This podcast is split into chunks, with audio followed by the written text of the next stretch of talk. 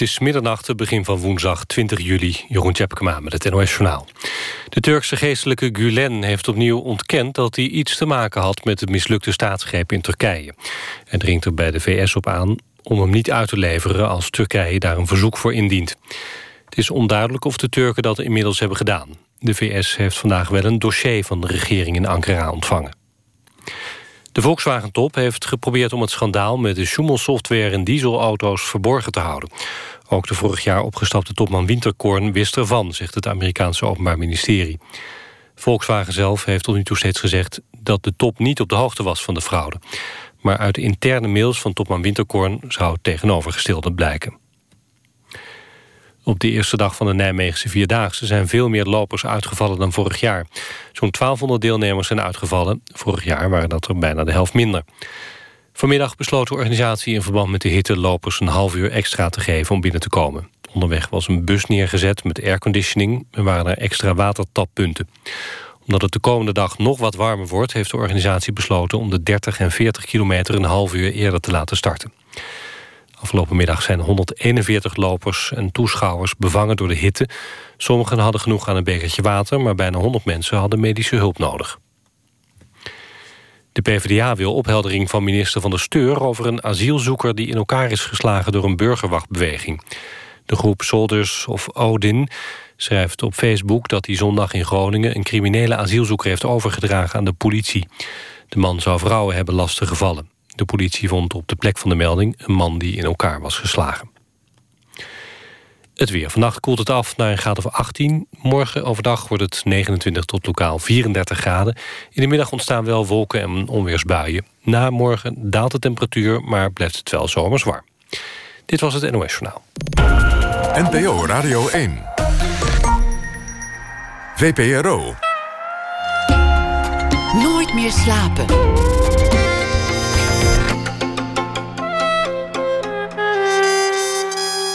Met Esther Naomi Perquin. Goedenacht en welkom bij Nooit meer slapen.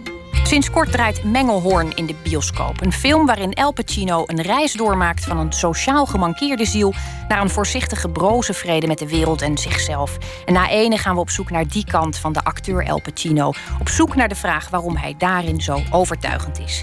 En we hebben de Toendra-documentaire Een Affaire, dat onder meer na één uur. Dit uur te gast is columnist, literair portretrist en schrijver Henk van Straten. Hij schreef voor onder meer Nieuwe Revue, Vrij Nederland en Linda, maar is bij het grote publiek vooral bekend vanwege de succesvolle Volkskrant-rubriek Henk lift mee, waarin hij min of meer bekende Nederlanders ontmoet. Hij kijkt goed, maar het is meer dan dat. Hij lijkt er patent op te hebben iemand in twee of drie zinnen te definiëren, zonder iets van het mysterie stuk te maken en zonder dat het een trucje wordt. Hij werd geboren in 1980 en groeide op in twee gezinnen. Een kleintje van hem alleen en een grotere waarin hij drie halfbroers had. Twee werelden die nooit werkelijk samenvielen behalve in hem. Hij wil schrijven over waar het wringt, want in dat soort momenten zit de schoonheid van het leven. Maar wat is dat, die schoonheid? In zijn werk lijkt het er vaak over te gaan. Er wordt gezocht, gefaald, onthuld en lief gehad.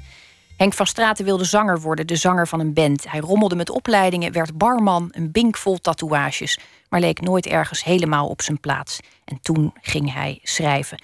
Zijn vorig jaar verschenen grote roman Bidden en Vallen beschouwt hij zelf het liefst als zijn echte debuut. Hij zet iets stil, kijkt opnieuw.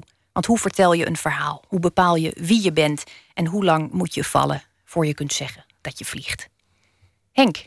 Hi, wat mooi. Wat een mooie inleiding. Ik dacht, het is warm. Hoe noemde je mij nou? Een literair portretist? Ja. Vind ik heel goed. Daar kun je wel, daar kun je, je wel Nu ik dit weet, ga ik het ook gebruiken om, om mezelf te Op je visitekaartje. Ja. Nou ja, dat is eigenlijk wat je doet heel vaak. Ja, absoluut. Nee, maar dit is het, dit is het perfecte woord voor die, voor die stukjes. Ik ben heel blij dat je hiermee gekomen bent.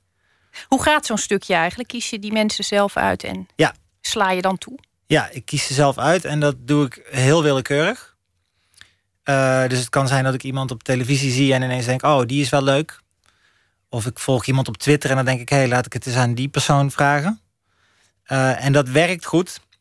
Of althans, voor mij werkt dat goed, omdat je daardoor een mooie ehm, combinatie krijgt tussen, uh, nou ja, noem het maar highbrow en lowbrow culture.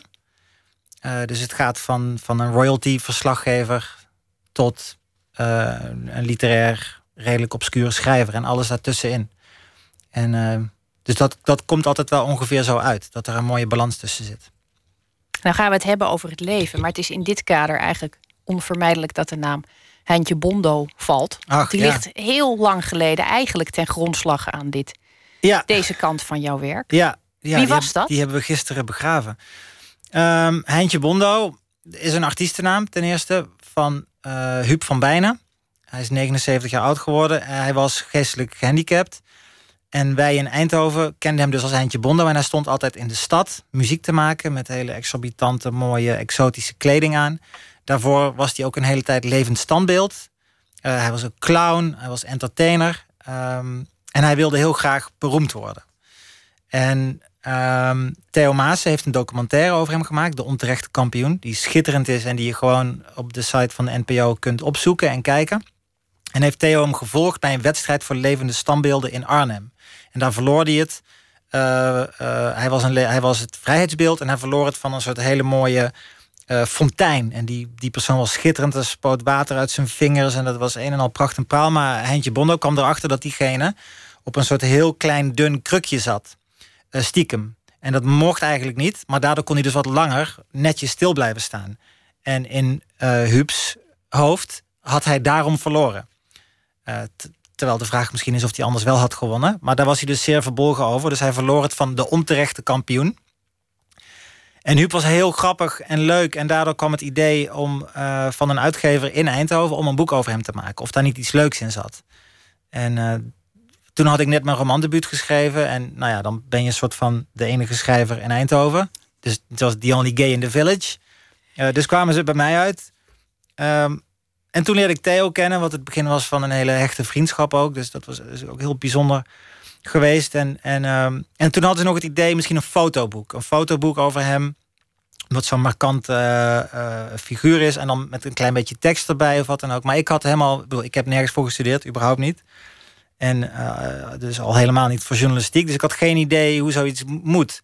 En toen ging ik naar hem toe, naar zijn huis, waar het stinkt naar kattenpis. En, en waar, waar hij dan vanillevla over de kattenbrokken goot. En dat gaf hij dan zijn katten eten en overal poppen. En het was een beetje viezig en had pornoblaadjes onder zijn bed. En, uh, dus ik kwam naar binnen met een, wat ik dacht, wat je doet als journalist. Dus ik had een notitieblokje, ik had een memo-recorder en ik had een pen. En ik dacht, die gaat nu vragen stellen. Dat vind ik echt heel lief. Ja, dus dan ging ik tegenover hem zitten. En toen, en toen dacht ik, nou ja, je begint al met, met een soort van basiskennis. Die moet je eerst gaan, hè? dus algemene kennis. Of weet je dat? De, de, de, de persoonsgegevens als het ware. En toen vroeg ik, nou meneer Van Bijnen, um, wanneer begon u eigenlijk met, met, het, met het levend uh, wezen? Het zijn van een levend standbeeld. En toen keek hij op zijn horloge. En toen zei hij, nou 1980, 90. Dan heb je dus twee decennia om uit te kiezen. En ik, ik wist al wel dat je als journalist, als je een soort van feitelijk journalist wil zijn, dat je dan, dat je dan preciezer moet zijn dan twee decennia, toch? Als je een soort van biografie over iemand gaat schrijven. Uh, dus dat ging voor geen meter op die manier. Maar toen kwam ik thuis en in die tijd las ik ook net um, Hunter S. Thompson. De gonzo-journalist journalist uit Amerika... die ook nooit schreef over het onderwerp waarover die schreef... maar veel meer de beleving van. Uh, dus, en toen kwam ik thuis en toen zat ik met die notities... en toen dacht ik, ja, hier kan ik helemaal niks mee. En, en, en toen dacht ik natuurlijk... ja, maar wacht, is het feit dat hij op zijn horloge kijkt... en zegt, nou ja, 1980, 1990 dat was mooi om op te schrijven. En uh, dus dat hele idee van een fotoboek uh, zijn we toen vergeten. En ben ik hem een jaar ben ik met hem opgetrokken. En dan gingen we samen ging ik voor een boodschappen doen als het had geijzeld. En we gingen naar zijn familie. En uh, ik ging mee met hem naar een, naar een optreden tussen aanhalingstekens. En zo ben ik een jaar met hem opgetrokken. En dat, dat werd een, een non-fictieboek, Mijn Nieuwe Beste Vriend. Um, obscuur boek, ook nooit meer dan een eerste druk. Maar dat was wel het begin van, van mijn non-fictie loopbaan. En ja, dat is wel waar ik nu van leef uh, inmiddels. Ja. Het was een, een grappige man, zeg je. Uh, maar gezien zijn verstandelijke beperktheid ook een kwetsbare figuur. Werd er goed voor hem gezorgd? Was je, kon je dat merken in dat, in dat jaar? Want het is natuurlijk ook... Zo'n man wordt heel snel een dorpsgek. Iemand die bespot was wordt. Was die ook? Was die ook? Dat was het allebei. Hij werd ook bespot. Ik ging, ik ging, hij werd dan een keer... Want hij zat altijd in de stad. Hè, en dan werd hij geboekt door iemand. En daar was hij heel trots op. Maar dat was dan gewoon een kerel die dacht, is leuk. Ik vraag hem voor mijn, voor mijn voetbalclub... Waar, we dan een feestje hebben om hem te laten optreden. En dan betaal ik hem een tientje. Dus ik had die man ook niet gezien, maar hij zei tegen mij: Ik ben geboekt en zaterdag heb ik een optreden. En dan ging ik hem dus rijden. En ik was zijn chauffeur en zijn manager als het ware. En dan, en dan vroeg ik: Maar wat krijg je dan betaald en wat ga je dan doen? En uh, kreeg hij een tientje betaald om daar dan liedjes te zingen. Dus ik ging met hem naar die voetbalkantine. En uh, hadden we een soort van klein kleedkamertje. En dan kleedde hij zich aan. Had hij heel kort rokje ook. Want hij was ook een beetje wel. Heel, een beetje ook van een beetje dat vrouwelijke, een beetje travestietachtige dingetje. Vond hij ook wel heel sexy. Dus toen kwam hij op met een soort kort rokje en een soort sexy blouse. En daar overheen een badjas die hij dan halverwege de set liet vallen. Uh, voor die kerels allemaal, die achter grote pullen bier stonden. En, en hij, hij kon natuurlijk ook niet echt iets. Het was dan, hij ging dan kleine Katinka zingen, maar die tekst klopte net niet helemaal. En, en uh, dat was best wel schrijnend. En dan inderdaad, binnen no time werden er bitterballen gegooid en bierviltjes. En werd hij uitgelachen. En je ziet dan zo de lelijke kant van de mens. De lelijke kant die wij kunnen hebben. Dat, dat kijk hem eens stom zijn, kijk hem eens debiel zijn. En, uh, maar het mooie van Huub was... Dus ik, ik haalde hem ook meteen van het podium af. Want ik zei, de show is voorbij. En, want, ik, want ik pikte het niet. Um, en toen kwamen we weer in het kleedkamertje. En toen, eh, ik zei meteen van, kloten dat het zo gegaan is. Die instelling had ik. Van, nou ja, dit is een behoorlijke afgang geweest. En, en gaat het wel goed met je. Maar hij vond het eigenlijk vervelend dat ik hem van dat podiumpje had afgehaald. Want voor hem, hij was gewoon, uh, hij ging los daar. Dus die bitterballen vielen hem niet eens zo op. En die bier, bierviltjes omdat hij in zijn hoofd was die, hij is zo ambitieus en hij wil het zo graag. En hij is zo verbeten, was hij. Uh, dat het voor hem toch een geslaagde, geslaagde avond was. En dat heeft ook zijn leven draag, draaglijk gemaakt. Ik bedoel, veel mensen die, zoals hij, die zitten in een instelling of die zitten thuis en die kijken alleen tv. Maar hij ging elke dag zo die stad in weer met het idee: ik ga doorbreken en ik ben een levend standbeeld en ik ben een artiest. En, uh, en, en de, ironie is, de, de schitterende ironie eigenlijk, uh, is dat hij daarmee dus ook gewoon bereikt heeft dat er een boek over hem geschreven is, dat er een documentaire over hem gemaakt is, dat hij bij De Wereld Door heeft gezeten met mij en Theo. Uh, hij heeft in de Schouwburg gestaan met Theo. Dus, dus uh, misschien niet om de redenen dat, dat, een, dat een normale ster bekend zou willen zijn. Ook natuurlijk vanwege zijn beperking in zekere zin. Maar het is hem desalniettemin wel gelukt. Dus hij heeft die droom ook nog waargemaakt. En uh, ja, dat, dat is heel bijzonder. We hebben hem gisteren begraven. Hij wilde begraven worden als paus. Kleding van de paus, maar ook met een zwaard. Hij is begraven als paus met een zwaard. En een fluoriserende bloemenkrans om zijn arm en een heel groot Heintje Bondo op de kist. En we hebben met z'n allen kleine kokette Katinka gezongen, want dat was zijn favoriete liedje. Ja, ik, ik zie hierin al uh, een heleboel kanten van je persoonlijkheid langstrekken. Oh. De, de, de zorgzaamheid, ook doortastend. Op het moment dat het nodig is, grijp je in. Maar wat ja. me eigenlijk het meeste opvalt, mm. is dat als je het over die voetbalsupporters hebt die bierveeltjes en bitterballen gooien. Ja. Dat je zegt, het is de lelijke kant die wij mensen hebben. Ja. Het zou makkelijk zijn geweest om je op dat moment te distancieren. De lelijke kant die ja. mensen hebben. Maar je ja. zegt wij mensen. Dus je, je, je, plaatst jezelf niet direct uit die groep. Nee, je dat op dat moment natuurlijk... Zeker niet. We hebben dat allemaal in gradaties, denk ik. En in verschillende levensfases sowieso. Als je jong bent heb je het sowieso sterker, toch? Dat je mensen uitlacht. Dat je zelf iets hoger voelt staan als je de ander wat kleiner maakt. En, uh, en bij sommige mensen zie je dat heel expliciet. En dan kun je daarnaar wijzen en zeggen: jullie zijn fout. Zoals bij die mannen. Dat is redelijk makkelijk om. Hè, dat je vinger kunt wijzen en zeggen: schaam je. Maar ik denk dat we het op wat. We worden daar verfijnder in. We gaan het subtieler doen. Nog steeds. En we hebben het vaak niet eens meer in de gaten, omdat we het zo subtiel en verfijnd zijn gaan doen. Is het ook iets waar je, waar je bewust voor kiest om dat wij te blijven voelen? Om, om die neiging om daaruit te stappen uit zo'n uit de mensheid eigenlijk. Omdat ja. ik, ik heb die neiging namelijk regelmatig. Ja. Ik hoor je niet bij. Ja, die neiging heb ik ook natuurlijk.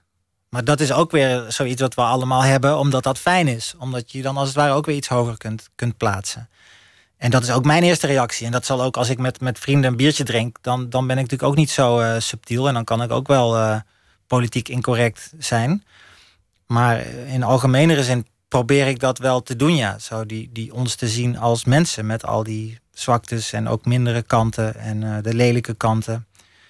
Um, we lijken meer op elkaar dan we, dan we denken. En ik denk ook dat de omstandigheden en uh, de tijden waarin we leven, dat dat iets meer naar boven brengt, ja of nee. Dat je, dat je meer je, daarna gaat gedragen. Het is makkelijk om een goed mens te zijn als de omstandigheden er ook naar zijn. Dat ben ik met je eens. Het boek werd. Uh je zei het al, dat, dat is niet verder gekomen dan een eerste druk. Misschien zou je dat nu ook heel anders aanpakken. Maar je, je deed dat toen als toch jonge schrijver, zoekend nog Ja. enigszins naar, naar de toon en de invalshoek. Zeker omdat het non-fictie was. Hoe kwam daar die column uit voort? Ja, bij mij is het altijd zo geweest dat ik, ik ben en was tegelijkertijd heel onzeker over wat ik deed en kon. En ik wist ook dat ik nog in dat stadium zeker nog niet heel goed was of wat dan ook. Ehm, dus aan de ene kant dacht ik het lukt toch nooit. Maar aan de andere kant was ik heel ambitieus en opportunistisch. Dus ik probeerde heel veel meteen al. Dus mijn eerste korte verhalen ging ik meteen opsturen. En dan kreeg ik een afwijzing, maar dan stuurde ik er weer een op. En dat... Dus toen ik dat boek klaar had, toen dacht ik wel... En ik wilde die horeca uit. Ik wilde, ik wilde schrijven voor mijn geld. Dat wilde ik gewoon doen. En, en met dat boek kon ik weer iets. En ehm, ook door dat lezen van Hunter S. Thompson, dat hele steltje. En ik zag dat nog niet heel veel gebeuren in Nederland. En toen ben ik met dat boek naar de Nieuwe Revue gestapt. Omdat ik dacht, nou ja, dan ga je nadenken... in wat voor tijdschrift zou het überhaupt kunnen. En toen dacht ik, ja, de Nieuwe Revue, die staan er wel voor open. Want het was een beetje jong en rebels. En dus ging ik met dat boek naar ze toe. En dan zei ik, ik wil dit doen, iedere week. Wat ik in dit boek doe. En dan ga ik elke week naar een plek. En dan ga ik het op dezelfde manier beschrijven... zoals ik over Heintje Bondo schreef. Dus ook vanuit een eerste persoonservaring. Een eigen avontuur ervan maken. En dan ga ik elke week iets vreemds doen. Of iets, een vreemde plek zoeken. En eh, dat is op zich niet heel origineel. Ik bedoel, dat doet BNN ook. Dat, hè, de, de wereld van de prostitutie. De wereld van dit. De wereld van dat. De wereld van bodybuilding. Ehm, en toen had ik mijn, eh, mijn eigen rubriek ineens. Dat was Van Straten gaat vreemd, heette dat. En duizend woorden. En, dat, maar ja, en het mooie daarvan, van zo'n vaste rubriek... is dat, het, dat je gegarandeerd elke week eh, dus inkomsten hebt. En ik verdiende zo weinig in die horeca... dat ik, dat ik op dat moment dat al kon compenseren daarmee. Dus toen kon ik mijn banen opzeggen. En, Ja, want je hebt echt eigenlijk heel eh, eh, klassiek voor iemand die zanger van een band wil worden. Je hebt heel lang gewoon enigszins. Ja, hoe zeg je dat? Van de hak op de tak geleefd van de ene. Ja, maar ik wilde, ik wilde niet per se zanger van een band worden. Dat klinkt alsof je echt wil gaan leven van de muziek en dat je een soort carrière in muziek ambieert. Ik, ik wilde die punk en hardcore kant in. Dat was, dat was juist eh, tegen muziek, als het ware. Anti-popmuziek, anti-maatschappij, ant- anti-conformistisch. Ehm, Anti alles. ja, zeker. Ja, ja, ja. En niet, niet per se omdat ik alles kut vond of, of stom. Maar het was, het was voor mij een van de weinige dingen waar ik dacht dat ik een beetje daarin kon uitblinken. Of in ieder geval daarin mee kon doen. Want school zat er niet in. Ik kreeg zweetaanvallen en paniek als ik in een klas zat. En dus dat kwam, daar kwam ik wel heel snel achter. Dat dat er niet in zat. En ik wist, dacht niet dat ik een ander talent had. Ehm, onzeker, op zoek naar identiteit. En dat die punk scene was, een, was, een, was, dat was heerlijk. Omdat ik, daar kon ik wel in. En, ik, en eh, dat, dat boezemde ook een beetje angst in. En ik mijn eerste tatoeage zetten. En dat was iets, dat was heel, heel krachtig. En daar zaten mijn, mijn beste vrienden zaten in die band. Dus het ging mij veel meer om op tour te gaan met die band. En te spelen en op, en op reis te zijn en te zuipen. En, en eh, een soort plek, een soort thuis hebben ook. Dus het- was dat meer dan dat ik, dan, dan dat ik een hele tijd heb gedacht... ik wil graag zanger worden. Dat is nooit... Dat is nooit eh, nee. Het klinkt ook wel heel netjes ineens als je het zo zegt. Ja, precies. Ja, je ziet dan toch eigenlijk. iemand, ja, een soort professional die toonladders doet voordat hij eh, opgaat en, en ehm, die hits wil schrijven. Dat was nooit onderdeel van de ambitie. Nee, en zanger in een band impliceert ook een beetje dat je zo'n zo'n jongetje bent die jongetje dat graag op het podium staat en, en, en gezien wil worden. Ja, maar dat was het. Ja, het is zo. Ik, ik ben een soort van schizofreen eigenlijk wel. Want dat was het toch ook wel. Dus aan de ene kant, dat was ook onderdeel. Dat was inherent aan die cultuur. Was dat het anti is. En dat je dus niet meedoet aan de massa en, en de popmuziek en dat soort dingen. En dat het gaat. Dat er eigenlijk geen verschil moet zijn tussen publiek en band. Er waren ook vaak geen podia, dat je gewoon op de vloer stond. En dat, dat maakte dat genre ook zo vet en zo krachtig. Dus heel agressief ook, heel masculien. Maar aan de andere kant vond ik stiekem wel, wilde ik ook wel een beetje de ster zijn. Op, op die kleine momenten dat ik dacht dat ik ermee weg kon komen... of dat het er misschien toch wel in zat. Wat voor momenten waren dat dan? Dat je een, een... Nou, dat je, dat je een goede publieksreactie krijgt... En, en dat je een beetje kunt geloven in je eigen melodrama ook wel, toch? Ik was daar niet eh, vrij van, van dat soort sentimenten.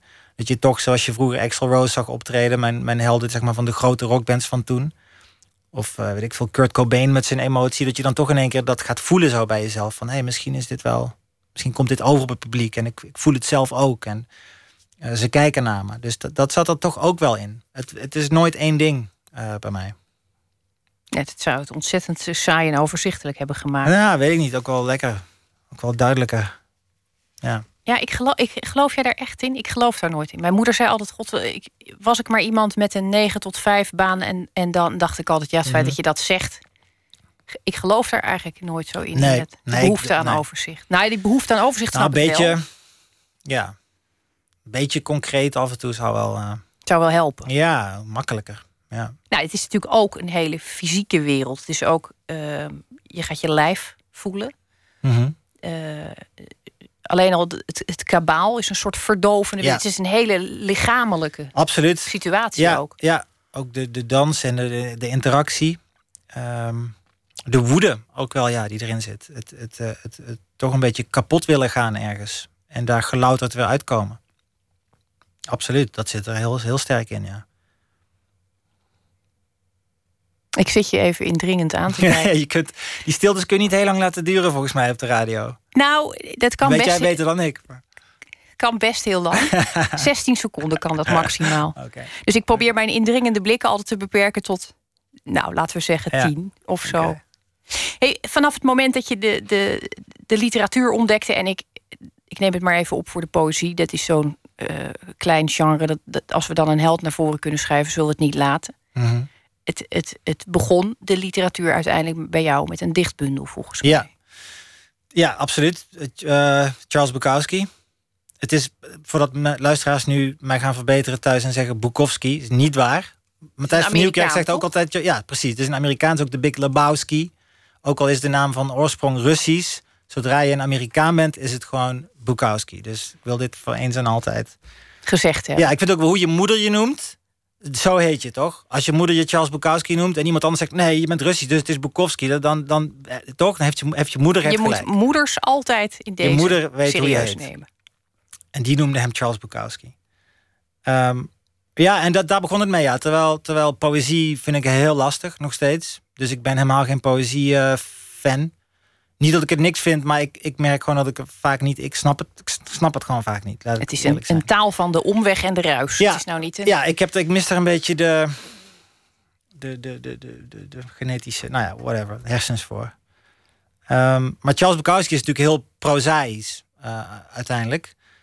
En ehm, ik las daarvoor helemaal niks. Ik begon pas een beetje met lezen op mijn twintigste, 21ste. Daarvoor dacht ik überhaupt literatuur is stoffig en te snobistisch. En daar, daar kan ik überhaupt nooit bij. Ook een soort onzekerheid. En toen kreeg ik van mijn moeder zo'n eh, dus, eh, Betting on the Muse van Bukowski. En dat was, dat was fantastisch. Want ik las over een man, een misantroop... die wakker werd met katers. De hele tijd alleen maar overgaf van de katers. Af en toe een hardgekookt eitje at. eh, gokte op paarden en, en ehm, ehm, een soort rauwheid. En, en, en die dan bijvoorbeeld ook... die vond dan ook Tolstoy bijvoorbeeld heel kut. En dat vond ik heerlijk, want ik dacht ook, ja, dat is van die hele goede literatuur. En die, vind ik dan, die vinden wij dan samen kut. Dus ik had een soort vriend, terwijl het is helemaal niet kut natuurlijk. Eh, maar dat had ik nodig op dat moment. Dat, met hem kon ik meedoen. Het was een antifiguur die jou een nieuwe wereld Ja. binnenleidde. Dat ik ineens dacht, maar wat is dit? Dit is dit, maar, maar dit snap ik wel. En dit kan, dit, en eigenlijk de, de, de eerstvolgende gedachte daarna was, maar dit kan ik ook wel. Dus eerst is het, oh, maar dit snap ik ook wel. En dan denk je, hé, maar dit kan ik ook. En dat is ook weer fysiek. Dat was fysiek. Dat je, dat je meteen lezen en willen schrijven gaat dan bijna, is, gaat bijna één op één. Is dat een soort proces. Eh, dus dat, dat haakte zich zo vast in me. En toen begon ik praktisch meteen met schrijven, maar wel in het Engels en alleen maar Charles Bukowski kopieën. Eh, gedurende eh, zeker een jaar, want dan was hij ook het enige wat ik las. En pas daarna is dat uitgewaaierd. Is ook een heel goed startpunt natuurlijk om de meester te imiteren. Altijd. Ja, en ik vind hem al lang niet meer de, meester. Ik kan er nu ook, als ik het nu weet, ik kan het nu bijna niet meer lezen ook. Misschien wel uit een soort nostalgie. Uh, maar het is niet meer dat ik hem nu, dat ik dan nog steeds blijf roepen, beste schrijver ooit of zo. Maar het was op dat moment, was het, was het ja, hij, hij was nodig, zijn stem, om iets in mij los te maken waarvan ik totaal niet wist dat het er zat. Liefde en haat. We gaan even luisteren naar uh, Michael Kiwanuka. Dat is een Britse singer-songwriter met Oegandese roots.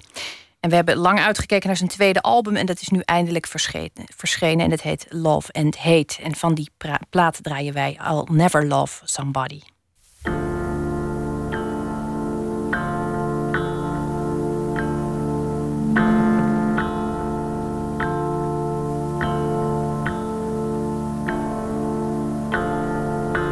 I'll never love somebody. I'll never love somebody.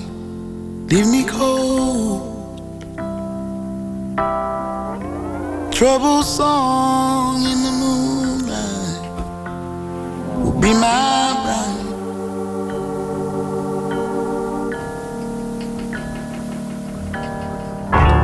I'll never need somebody. I'll never need somebody. Leave me alone. A worried mind in the firelight will be my guide.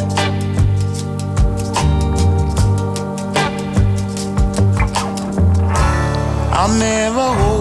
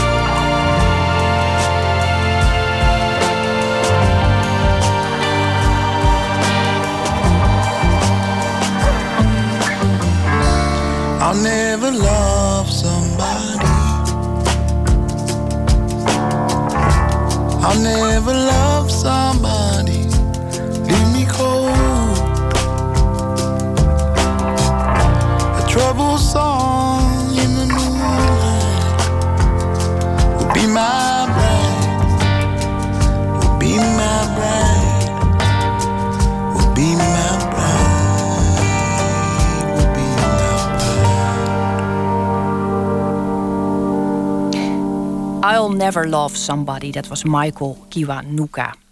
Henk van Straten zit hier tegenover mij. En we hebben het net gehad over hoe dat werkt eigenlijk als je de literatuur ingaat. Terwijl je eigenlijk dacht dat je eigenlijk nergens precies voor geschikt was. Ja. Hoe lang heeft het toen geduurd voordat je vond dat je er mocht zijn als schrijver? Of ben je daar nog niet? Want dan Ja, praten we dat- over 30 jaar verder. Ja, ja dat, is, dat is ook weer iets wat een beetje tegelijk is. Wat parallel loopt. Dat ik aan de ene kant eh, droomde ik natuurlijk ooit van dit punt en kunnen leven van, eh, van de pen. Eh, op een gegeven moment kwam er wel een soort, soort moment waarop ik zelfverzekerd genoeg werd om te denken: ik ben een schrijver. Bijvoorbeeld dat je een contract tekent voor je debuutroman of wat dan ook. Dat is op dat moment natuurlijk heel groot. Maar aan de andere kant heb ik nog steeds niet, nog steeds niet het idee, inderdaad, dat ik geschreven heb wat ik wil schrijven. Zit dat, zit dat niet een beetje in alles wat je, wat je gedaan hebt? Die, die, dat je nooit op het, punt kwam dat je vond dat je ergens moest blijven voor deugde, iets onder de knie had. Ja. Ja, ja, maar dat, ja, dat, is dus ook, dat is gewoon dubbel. Want het is ook dus dat ik werd. Enerzijds heb ik wel genoeg zelfvertrouwen om die dingen allemaal te doen.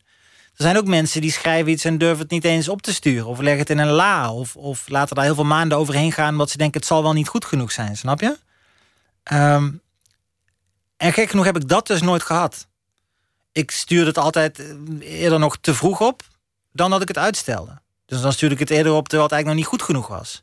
Dus ook een soort fatalisme. Ook een soort, oké, nu, nu, kijken wat er, wat eruit komt. Kijken wat het doet. Dus ook die, die bevestiging toch wel zoeken. En ook, ik wil verder. Kom op, gas erop. En daardoor zijn ook de eerste boeken veel te snel naar elkaar verschenen. Daar heb ik zelf ook aandeel in gehad. Ook, ook een uitgever destijds die dat ook wel accommodeerde. Dat doen de uitgevers namelijk heel graag. Ja, jong verschilt talent- hoor. Nee, ja, precies. Ja, maar dat kan natuurlijk ook soms zijn dat ze juist een beetje afremmen. Maar goed, dat, is helemaal niet, dat bedoel ik helemaal niet als eh, kritiek. Maar dat was, dat was gewoon, dat ging allemaal heel snel. Ehm, eh, dus, dus in die zin weer niet onzeker. Maar aan de andere kant inderdaad wel. Ja. Dat ik, dat ik niet eh, na zo'n boek meteen denk... eh, zo, dit is echt een fantastisch boek en dat blijft het ook.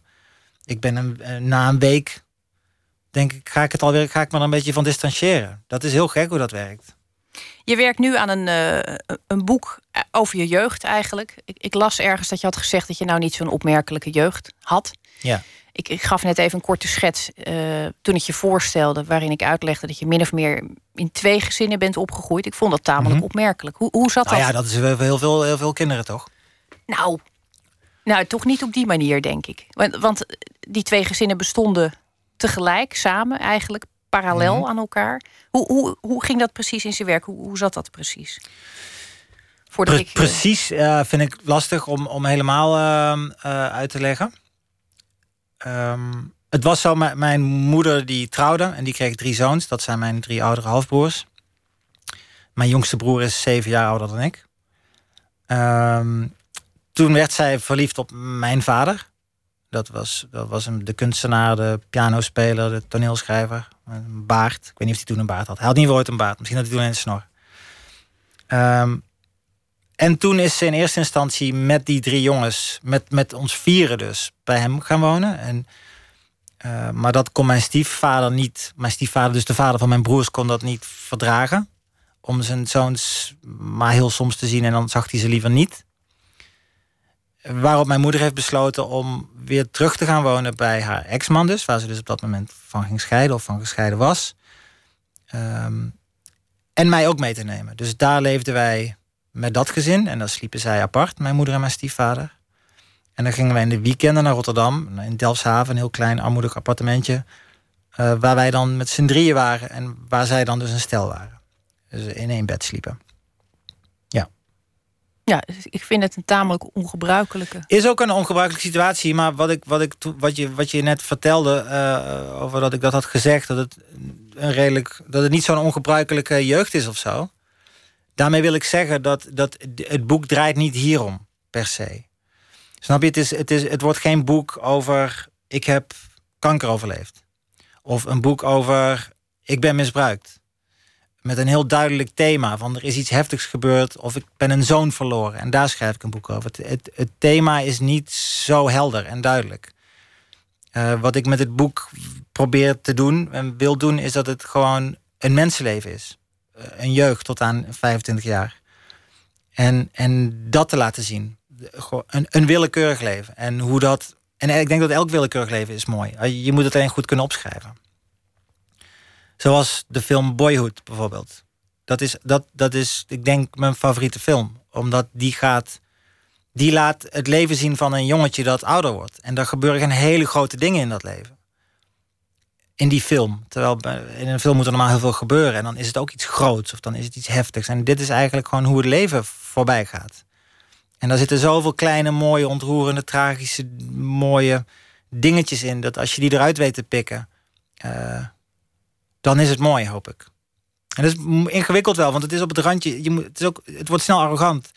Dat je denkt, oh, mijn leven is boeiend genoeg om, iets, om een boek over te schrijven. Er zijn heel veel mensen die, als ik zeg dat ik schrijver ben en dat ik journalist ben, dat die zeggen dan, oh, ik heb dingen meegemaakt. Daar moet je een boek over. Ik zou een boek kunnen schrijven als jij weet wat ik allemaal heb. En dan willen ze eigenlijk liefst dat ik dat meteen ga opschrijven wat ze allemaal hebben meegemaakt. Omdat ze redeneren, ik heb dingen meegemaakt en die waren voor mij heftig en dat is ongebruikelijk en daarom is het een boek waard. En dat is in sommige gevallen ook uh, zo. In sommige gevallen is een leven zo ongebruikelijk dat die ongebruikelijkheid het, het boek valideert. Uh, maar dat is niet wat ik wil doen. Het, het gaat dan ook heel erg, denk ik, over de dingen die je als jongen meemaakt, terwijl je die wereld verder als normaal beschouwt. Dat maakt ook nog uit. Ja. Ik, ik kan wel je citeren dat je zegt het is weinig opmerkelijk. Als kind is natuurlijk weinig is eigenlijk opmerkelijk. Tuurlijk, je, je, gaat dat later pas zien. Hoe dingen zijn gelopen. En, maar het is ehm, wel vormend, kan ik me voorstellen. Het is absoluut vormend. Het lijkt me ook verwarrend. Uh, kijk, normaal moet je, ik, ik ben ook een van vier. Hmm. Ehm, je, moet je plek in dat gezin vinden. Dat, dat verschilt ook nog wel eens per jaar. Ja. Er is allerlei chemie. Mijn, mijn, mijn broers en dat, dat, ja, ik heb met allemaal een andere band. Ja je hebt bij, allemaal een andere rol gespeeld. Dat was bij jou ook zo. Zeker. Alleen had je dan ook nog de, de wetenschap dat er bij jou ook nog een, een apart leven speelde, waar zij dan niet mee naartoe gingen. Ja. Nee, dat is absoluut vormend geweest. Dat, uh, zeker. En dat is ook, daar kom ik nu natuurlijk ook achter door het schrijven daarvan. Ga je dingen ook beter zien. Maar aan de andere kant moet je ook niet onderschatten dat je het verhaal ook aan het maken bent. Ehm, het is natuurlijk niet één op één de, de werkelijkheid. Gewoon op, op het moment dat ik dat leven een plaats aan het geven ben eh, en aan het ordenen ben, is het al in zekere zin fictie. Dus je maakt een verhaal van je leven. Je, je kijkt terug en je maakt daar zelf een verhaal van. En dat is mijn verhaal wel. Ehm, dus dat moet je niet uit het oog verliezen, denk ik. Dat het is hoe de dingen zijn gegaan, maar het is ook wat ik ervan maak. Dus niet dat ik er per se dingen bij verzin, maar het is wel een herinnering is per definitie wat je ervan maakt. Nou ja, een herinnering is ook, eh, vind ik al heel lastig te kaderen. Om- omdat het zo gekleurd en bovendien staan ze niet stil. Dus die herinnering bestaat- kan vijf jaar geleden heel anders zijn en nu Ja. vervormd raken. Ja, maar ja, en, en door andere Verbeterd. ogen is, is het wel heel anders. En het bestaat ook niet meer. Het is er niet. Je kunt het, je kunt het alleen maar verzinnen, het verleden. Herinneren is in zekere zin verzinnen. Je, je creëert het in je hoofd, toch? Je, je, je- maakt met je hersenen dat beeld en je bewustzijn ziet dat beeld en zegt: zo is het gegaan. Wat is jouw plezierigste herinnering aan dat, aan dat gezin? Van, van, van alles bij elkaar, van broers? Wat deden jullie samen? Want er zit natuurlijk flink wat leeftijdsverschil, toch? Ja, Tussen ja, er- ja, daarom deden we niet heel veel samen. Nee, zij hadden wel redelijk snel hun eigen levens. En, ehm, maar wel dingen leren fietsen en, en eh, voetballen wel en zo. Paaltjesvoetbal deden we dan. Maar ik, ik liep dan wel redelijk snel weer huilen naar huis... omdat ik hard eh, die bal in mijn gezicht had gehad en zo. Ehm, maar een beetje, ja, dat, dat Dalton-gevoel... dat heb ik wel altijd eh, als, heel, als heel prettig ervaren. Je was Ja. wel deel van de clan. Dat, dat zo heb je het wel ja, gevoeld. maar ja en nee. Ook, ook niet. Je, je, ik voelde me ook wel degelijk anders natuurlijk. Ik was ook. ehm, in dat gezin had ik ook het, vaak het idee dat ik er niet helemaal bij hoorde. En dat ik te gast was. Dus. Ehm, en dat is absoluut vormend geweest ook. Dat je, ik, wilde me, ik wilde altijd vrolijk zijn en grapjes maken en leuk doen, omdat ik, de, ik wilde de sfeer goed houden. Want dan, dan was ik eh, gewenst. En als de sfeer omsloeg, of als mijn stiefvader chagrijnig was of Noors, dan dacht ik natuurlijk, ik, eh, hij heeft geen zin in me. Of eh, ik ben hem tot last. Omdat ik, en, en, als dat, en, hij was ook chagrijnig en Noors naar, naar mijn broers toe, maar hij was hun vader. Dus dan accepteer je dat heel anders. En ik dacht, ik moet nu oppassen. Of ik, ben, ik moet op mijn tellen passen. Want ik, ik ben hier sowieso te gast. Ik mag blij zijn dat ik hier eh, ben überhaupt. En dat is zeker vormend, ja. Daardoor ben ik wel volgens mij een beetje een soort pleaser geworden in veel gevallen. Of juist helemaal niet, omdat ik niet wil pleasen. Maar dat is een counterreactie. Dat is om, om juist die drang te compenseren. Dat ik dan ineens juist heel onaardig ben, bijvoorbeeld. De beslissing, ik, ik, ik ga er niet meer in mee. Ik doe het niet langer. Ja, of het kost me moeite dan. Dus of ik, of ik wilde bijdragen aan de sfeer, of ik wil me er totaal aan eh, onttrekken. Ik ben een moeilijke meedoener. Gewoon een, een toeschouwer. Een, een zwijgen is ook goed. Ik doe gewoon lekker mee. Dat vind ik heel moeilijk. En je hebt in je schrijverschap wel, vind ik, eh, heel veel risico's genomen. Eigenlijk eh, is alles materiaal. Ja. Je bent daar ook altijd eh, open in geweest. Ik vind dat een ontzettend kwetsbare positie. Eigenlijk. Voor iemand die, ehm, die, die, die toch een beetje opgegroeid is in een soort gedoogconstructie voor zijn gevoel. Dan, ne- dan neem je nogal risico's. Ja, Want jij Ja. bent dan wel misschien te gast, maar je bent wel de gast die gaat benoemen dat er een vlek op het tafellaken zit. Of dat Ja. iemand de hele tijd boos kijkt. Of dat iemand Ja. anders onder tafel aan het been van de buurvrouw zit. Of, ja. ja, die dingen vallen mij allemaal op, ja. Maar ja, wat is het risico dan precies voor, voor mij? ja, dat is een goede vraag. Ik zou het niet zo gauw. eh, eh, ik, ik zou het niet zo gauw durven, denk ik, omdat je. Nou ja, dan weten ze dat je kijkt. Ze weten dat je, je maakt je Oh, dat aanwezigheid bedoel je, als ik, als ik, als ik over anderen schrijf. Zoals Nou bij ja, die vooral volks- omdat je dat vanuit je persoonlijkheid doet. Dus Ja. het is nooit een, een klinische observatie. Nee. Nou, het ligt er ook aan wat ik schrijf. Kijk, die, die, die die zijn doelbewust eh, persoonlijk en subjectief. Wat je zegt, daar maak ik portretjes van, zoals ik het zie. Ehm, en ik ben daar ook onderdeel van. Maar ik schrijf ook uh, reportages voor de, de correspondent bijvoorbeeld. En, en dan zijn die details die me opvallen ook heel belangrijk. Maar dan is het om een beetje kleur te geven aan die, aan die reportage. Maar dan probeer ik het wel een stuk objectiever te houden en feiten bezig te zijn. En, het, en uh, dus dat, dat is een andere manier van brengen. En, en mijn persoonlijke stukjes, dat is wel helemaal de andere kant van het spectrum. Dan is het uh, helemaal mijn leven en dan is het super subjectief. Nou, ik zie het in, in, in Bidden en Vallen. Je, je, je nieuwste roman viel het me op dat je bijvoorbeeld de, de, de, het falen als ouder. Dat vond hmm. ik echt opmerkelijk in dat boek. Die, die, hoofdpersoon, twee kinderen. En het gaat gewoon vaak mis. Ja. Je zit te werken, die kinderen komen aan je hoofd zeuren, je snauwt. En dan zie je die schrik op die gezichten en die. Ik ben daar nooit voor gewaarschuwd toen ik aan kinderen begon. Dat je zoveel falen van jezelf te verwerken krijgt. Ik vond dat dus, ik, ik bedoel, ik weet dat het een roman is, mhm. maar je kunt dat niet schrijven, denk ik, als je dat niet geobserveerd hebt. En dat, dat kun je feitelijk alleen maar als vader hebben geobserveerd. Want dat gevoel ken je pas op het moment dat, ze er zijn. Ja.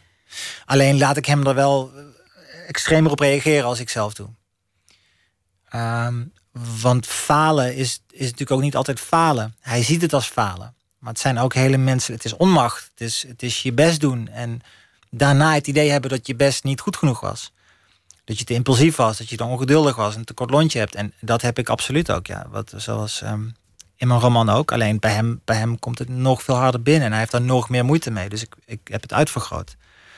Maar die onmacht, dat, dat, en de acceptatie van die, die onmacht, om, om desondanks compassie te hebben voor jezelf, dat vind ik een eindeloos uh, proces. En een heel belangrijk proces.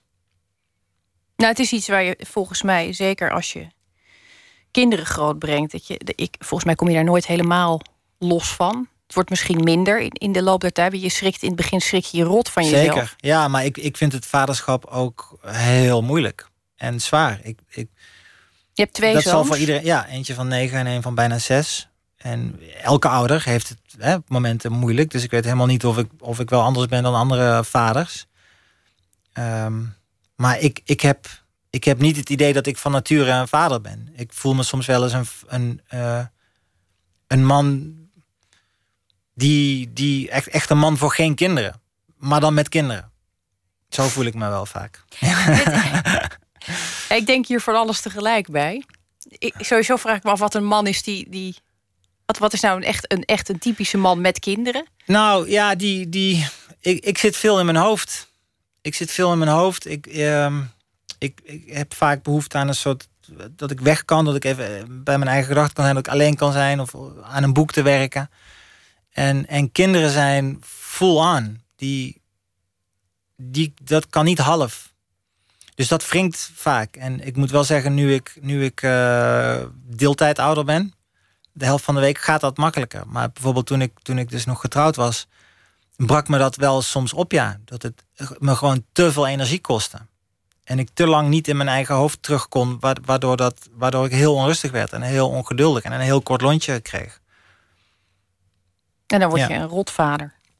Ja, dat is dus de vraag. De vraag is hoe zij daar later op gaan terugkijken. En ik lig soms wakker s'avonds, nachts. Of nou ja, wakker. Ik, ik kan wel denken, kut, ik was wel te snel boos, te snel geïrriteerd. En um, maar ik besef dat. En ik zeg altijd dat ik van ze hou en we knuffelen heel veel. Dus ik, ik, ik zie het wel gebeuren. En dat is ook weer fascinerend. Dat je soms zo'n woedeuitbarsting eigenlijk als een toeschouwer, als een cameraatje over je eigen schouder kunt zien gebeuren en toch niet kunt ingrijpen. Dat is ook weer iets fascinerends. En eh, weet je, als zij straks groot zijn, dan liggen ze ook dan liggen ze in bed naast een meisje na het vrije en dan vertellen ze over hun jeugd en dan wat er kloot aan was en fijn aan was. En dan reageert dat meisje heel begripvol. En dan eit ze en zegt ze... Ah, dat is wel kloten dat je pa dat deed. En dan voelt hij zich daar weer fijn bij. Snap je? Het is ook, we zijn allemaal een collectie van... We zijn een soort canvas. En, en eh, je begint ongeschonden en daarna word je geschonden. Dat is ook wat mens zijn worden is.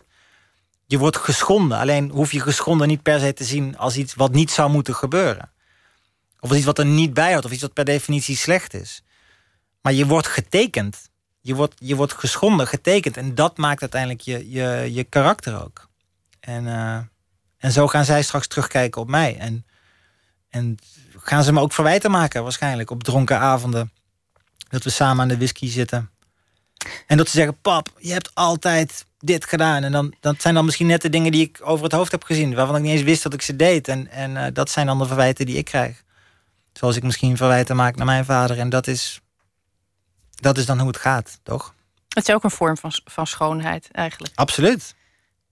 Ja, maar er is verder ook niks anders, toch? Er is geen ongeschondenheid. Want dat, dat is niks. Dat is blanco. Dat bestaat ook helemaal niet. Als je als band besluit om een cover uit te voeren, en daar gaan we even uh, naar luisteren nu. Dan heb je eigenlijk drie mogelijkheden. Je kunt het ongeveer hetzelfde laten klinken. Of je kunt er iets totaal anders mee doen. Of je kunt het laten klinken alsof het van de coverende artiest zelf is. Het klinkt ingewikkeld, maar we gaan dat luisteren. En het is de Amerikaanse band The Lemonheads. En die hebben dat gedaan. En dit is hun versie van Beautiful, de hit van Christina Aguilera.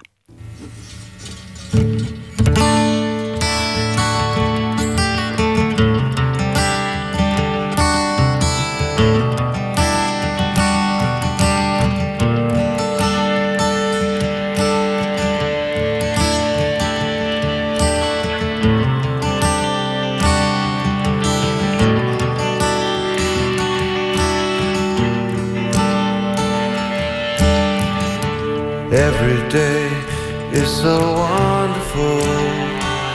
Suddenly, it's hard to breathe. Now and then, I get insecure from all the pain. I'm so ashamed. I am beautiful no matter what they say. Words can't bring me down.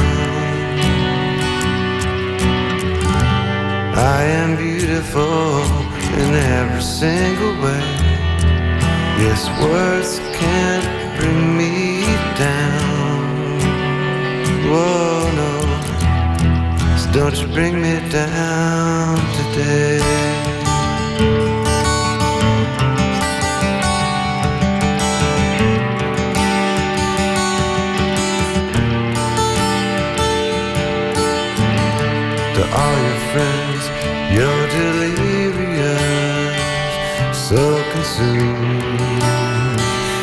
All you're.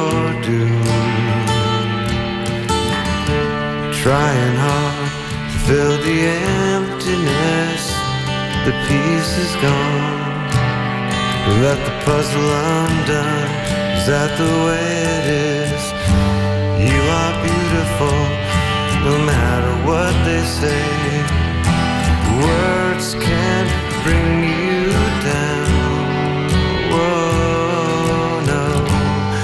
are beautiful in every single way.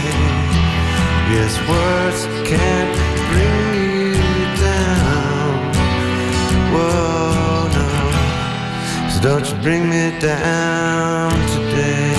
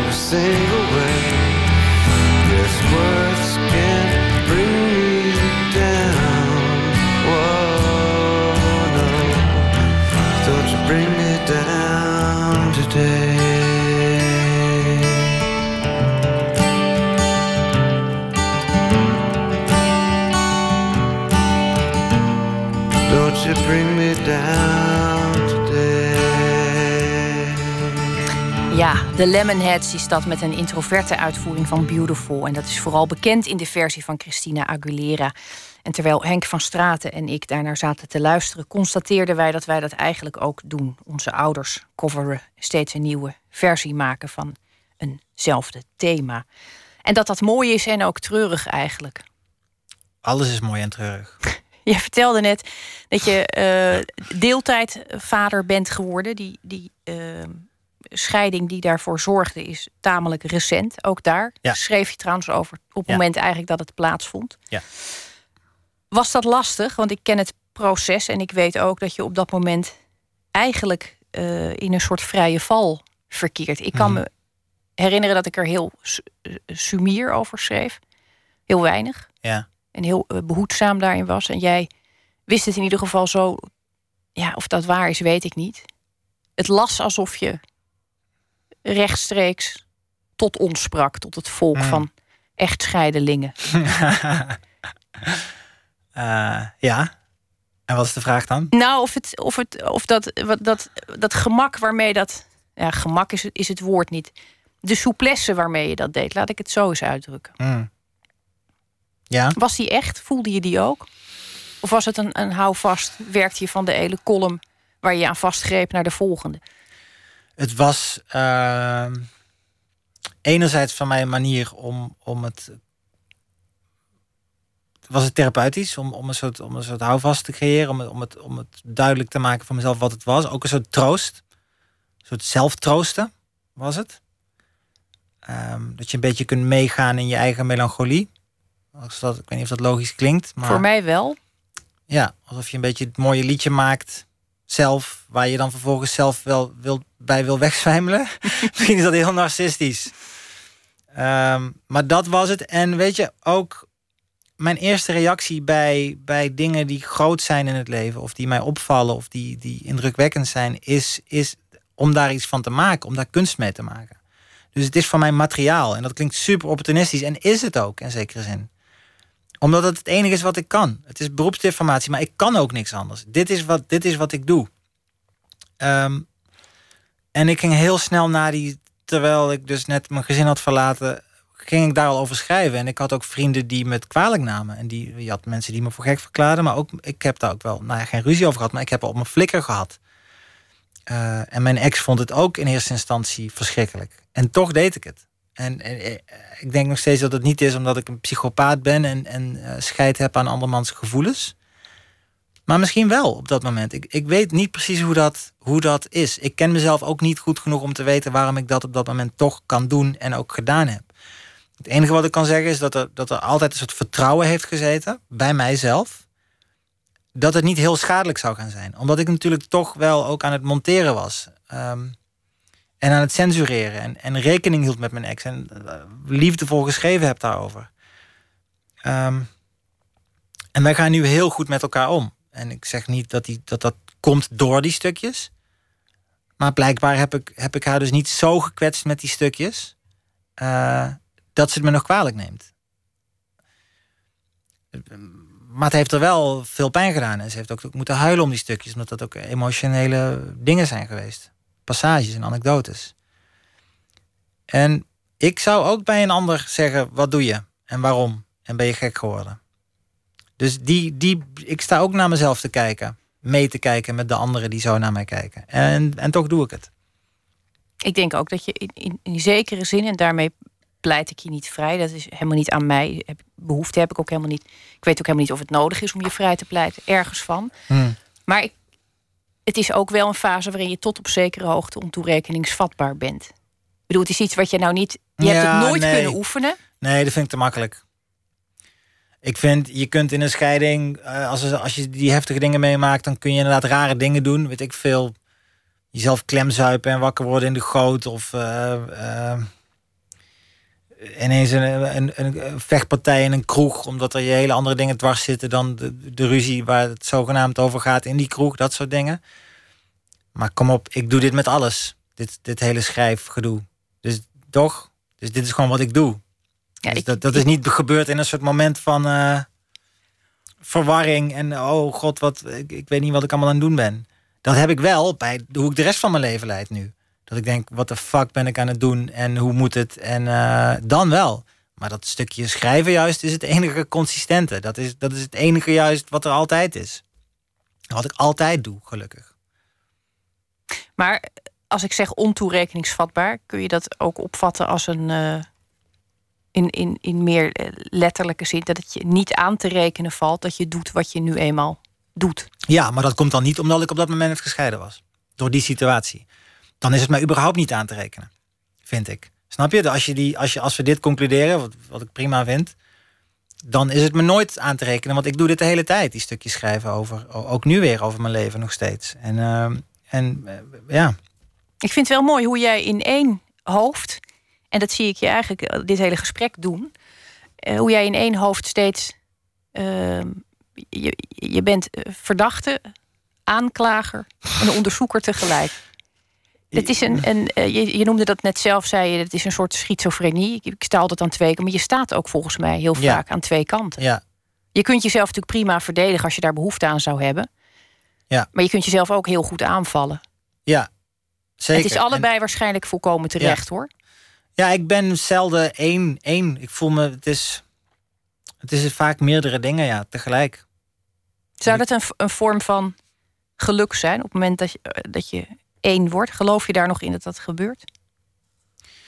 Mm, eh, Ik denk niet dat dat per se een moment van geluk, of ik geloof. Nee, ik denk, je, je, je bent altijd één. Het voelt soms als meerdere, maar je, het is altijd één. Het is één ding, het is één leven, het is één alles. Je interactie met de wereld, ehm, alles hoort erbij, alles. Dus het is één. Alleen de illusie is dat het meerdere dingen zijn. En, en, en die drang, dat verlangen naar, naar compleet zijn, naar heel zijn, dat is het heel diep. Maar dat is ook juist de valkuil, dat je, dat je dat wil bereiken. Want dat gaat niemand ooit helemaal bereiken. Hooguit op een moment, als de zon op het juiste moment zakt... en je hebt net dat ene of tweede biertje gedronken... en het wind waait en je denkt ineens, je laat alles los... dan kun je dat even ervaren. Of bijna een ecstasy-pil kun je het ervaren. Dat is wat wij allemaal verlangen. We hebben allemaal, als we wakker worden... tenminste, niet allemaal, maar ik spreek denk ik voor veel mensen... als ik denk dat je wakker wordt, dat je altijd denkt, er moet iets... Uh, ik moet op dit punt komen, dan ben ik er. Um, vanaf het moment van ge geboorte ben je losgezongen van iets. Dan ben je losgezongen van iets en dat, dat losgezongen zijn, dat knaagt altijd aan ons. We zijn altijd op zoek naar die voltooiing en weer naar die volmaking van wie we denken dat we zouden moeten zijn. En daar kom je nooit helemaal. Het gevaarlijke is natuurlijk dat we het uh, wel heel vaak in het vooruitzicht gesteld hebben gekregen. Ik tenminste. Zeker. Nee, maar, ja, maar iedereen leeft met het idee dat het, dat het ergens komt. Niet concreet, maar we, we zijn denken... ergens naar op weg. En als we die lijn afleggen, dan komen we uiteindelijk. Ja, ons leven is een soort plaatje waarvan steeds dingetjes net niet kloppen. En dat gaan we dan repareren om het plaatje weer compleet te krijgen. En dat kan zo simpel zijn als een nieuwe bank. Of een nieuwe tv is wel echt fijner, een nieuwe tv. Want het beeld is iets groter. Of ik moet gewoon even die vakantie doorkomen. En dan gaat het weer makkelijker. En dan kan ik dit weer oppakken. Als die kinderen straks wat groter zijn. En zo proberen we steeds dat plaatje mooi te maken weer voor onszelf. En we verzinnen dus steeds weer een nieuw verhaal.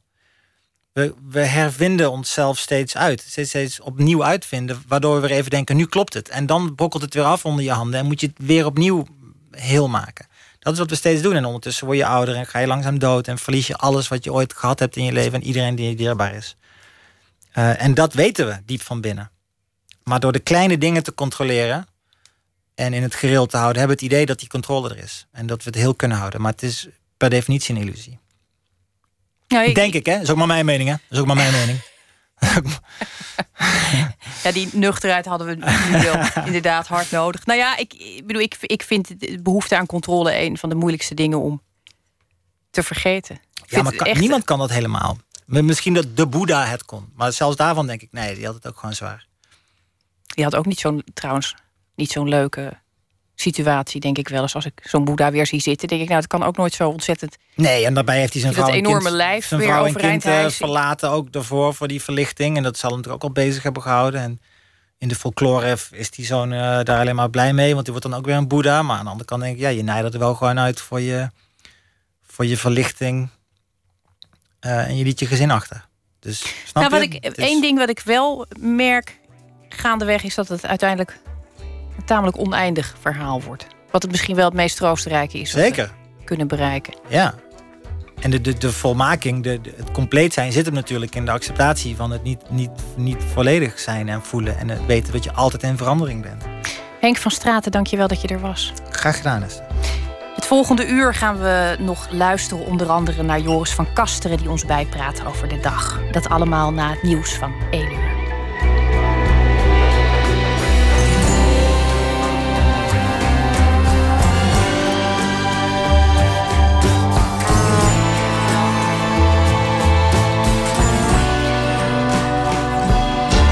Op Radio 1. Het nieuws van alle kanten.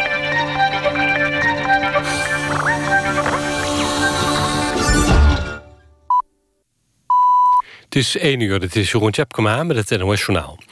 De Turkse luchtmachtbasis Incirlik zit nog steeds zonder stroom. De stroom werd uitgeschakeld na de mislukte staatsgreep van vrijdag. Vanaf de basis vertrekken gevechtsvliegtuigen van de coalitie... onder leiding van de Amerikanen voor aanvallen op IS in Irak en Syrië. President Erdogan heeft gezegd dat de stroom op alle militaire bases is afgesloten... om de kans op een nieuwe koepoging te verkleinen. Amerikaanse minister van Defensie Carter en zijn Turkse ambtgenoot Isik hebben gesproken over het belang van de basis in Incirlik. De Amerikanen gebruiken nu generatoren voor stroom... waardoor de invloed op de operaties verwaarloosbaar is. Toch bereiden de Amerikanen maatregelen voor... om de luchtaanvallen eventueel vanaf andere locaties uit te voeren. De Turkse geestelijke Gulen heeft opnieuw ontkend... dat hij iets te maken had met de mislukte staatsgreep in Turkije.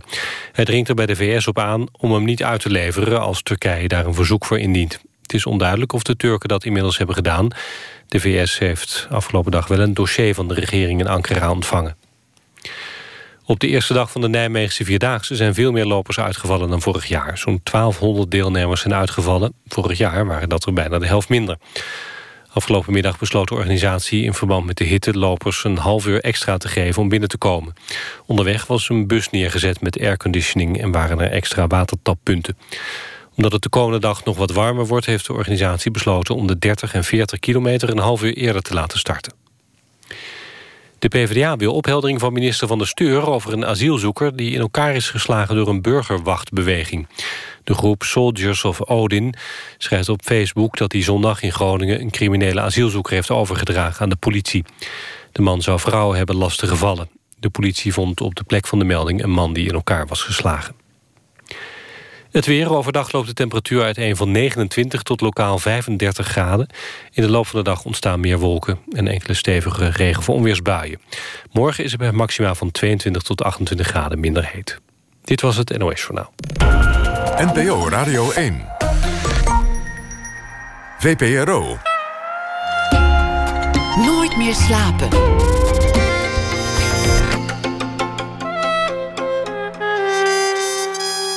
Met Esther Naomi Perquin. Sinds kort draait Mengelhoorn in de bioscoop. Een film waarin El Pacino een reis doormaakt van een sociaal gemankeerde ziel naar een voorzichtige, broze vrede met de wereld en zichzelf. En straks gaan wij op zoek naar die kant van de acteur El Pacino en op zoek naar de vraag waarom hij daarin zo overtuigend is. En de Toendra-documentaire gaat dadelijk over onverwachte obstakels bij het krijgen van een kind. Maar we beginnen dit uur met een schrijver die reageert op iets wat er in de wereld is gebeurd. En deze week doen we dat met schrijver Joris van Kasteren. Gisteren opende hij met een fraaie beschouwing bij The Voyeurs Motel van de Amerikaan Gay Talese. Een boek dat gebaseerd is op de jarenlange kijkpraktijken van een hoteleigenaar. En misschien gaan we het daar vandaag ook nog even over hebben, over kijken en bekeken worden. Joris, goedenacht. Dag Esther, hallo. Heb jij vandaag iets bekeken? Nou, um, heb ik iets bekeken? Ja, dit stukje. Want ik had inderdaad aangekondigd dat, het, uh, dat ik er nog even op door zou gaan. En dat ga ik ook doen. Maar het was een beetje lang, had ik begrepen. Dus uh, de, toen, toen ja, heb ik er wel even heel uitgebreid uh, naar gegluurd, zeg maar. Ja, nou, dat is altijd gunstig voor een tekst, meestal. We gaan ja. naar je luisteren dan, Joris. Ja, ik ga, hem, ik ga hem voorlezen. Gisteren bracht ik als gezegd dus de verschijning van de Nederlandse vertaling van de Voyeurs Motel ter sprake. Het spectaculaire waargebeurde verhaal opgetekend door sterauteur Gay Talese. Het gaat over moteleigenaar Gerald Foos uit Denver... die jarenlang door speciaal voor dat doel vervaardigde kijkgaten... honderden van zijn gasten bespieden. Hoewel Foos vaak ook genoot van wat hij zag... beschouwde hij zichzelf in de eerste plaats als een belangwekkend seksueel onderzoeker... Meer dan 25 jaar lang bestudeerde hij de bedgebruiken van zijn gasten. Hij was getuige van spectaculaire seks, trio's en buitenissige homoseksuele uitspattingen. Hoewel er meestal uiteraard niets gebeurde en men tot voers afgrijzen al televisie kijkend of ruziend in slaap viel. In 1980 besloot hij om Gator Lees te benaderen, die op dat moment vooral bekend was van Die Neighbor's Wife, een ophefmakend boek over de seksuele revolutie in de VS.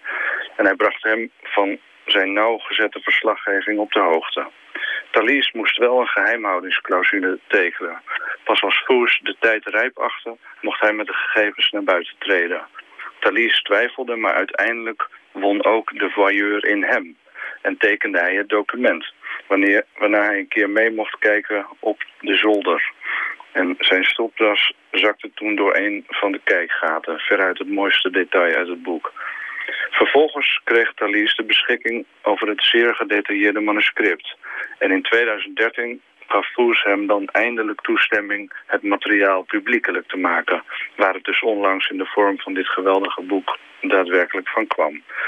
In de Verenigde Staten waar het boek ruim een maand geleden verscheen, is intussen grote ophef ontstaan.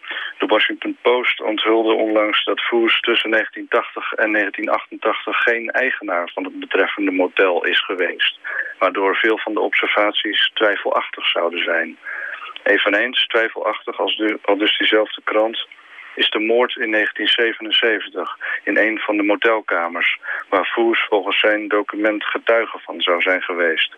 Tijdens een van de gluurpartijen had hij ontdekt dat er werd gedeeld van vanuit een van de kamers. Toen de dealer in kwestie even de deur uit was... spoelde Foes, die een hekel heeft aan verdovende middelen... diens handel door het toilet... waarop de dealer zijn vriendin van diefstal verdacht... en haar dood zou hebben geslagen. Maar de moord is tot op heden in geen enkel politiedossier terug te vinden. Gator Lees is nu erg boos op Foes en weigert om die reden zijn boek nog langer te promoten. Wat met deze sensationele verwikkelingen lijkt mij sowieso al niet meer nodig is. Foes stelt dat geen van de getuigenissen is verzonnen. Hooguit heeft hij zich hier en daar in een jaartal vergist. Ik ben geneigd deze Foes te geloven, die overigens op geen enkel moment scrupules heeft gekend. De Amerikaanse overheid is de ware peeping Tom liet Foes deze week aan de Washington Post weten. Hij vreest niet dat de overheid hem alsnog voor privacy schending zal aanklagen. Als ze dat toch doen, zal hij zeggen... maar u dan, Big Brother. Al jarenlang ziet u alles wat ik doe. Dat was hem. Dankjewel, Joris. Ja, het is natuurlijk een, een, een groot oog bovenop een veel kleiner oog. Een buitenwereld en een binnenwereld die hier eigenlijk in conflict raken. Het is ja. uh, fascinerend spul, deze uh, gay optekening. Ja, absoluut, absoluut. En het is een beetje als die, die koep in Turkije ook. Dat je nou eigenlijk, je gaat bijna denken, is het nou in scène gezet uh, of niet?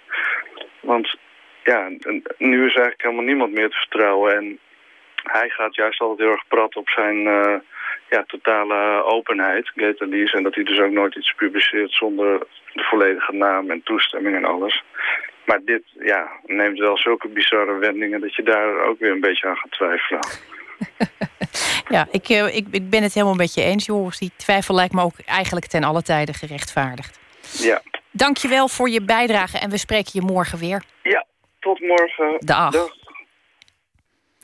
Het is maar zelden eigenlijk dat een cover meer faam oogst... of gewoon beter is eigenlijk dan het origineel. En het gebeurde wel bij de versie die Johnny Cash... van zijn beroemde album American Recordings 4 opnam...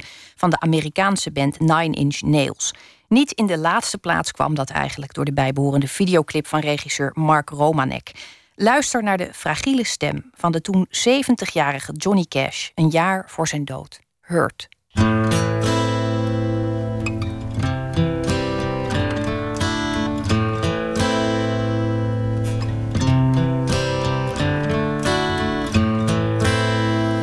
I hurt myself today to see if I still feel. I focus on the pain,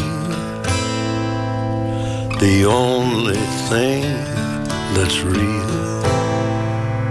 The needle tears a hole the old familiar sting. Try to kill it all away, but I remember everything. What have I become? My sweetest friend. Everyone I know goes away in the end. And you could have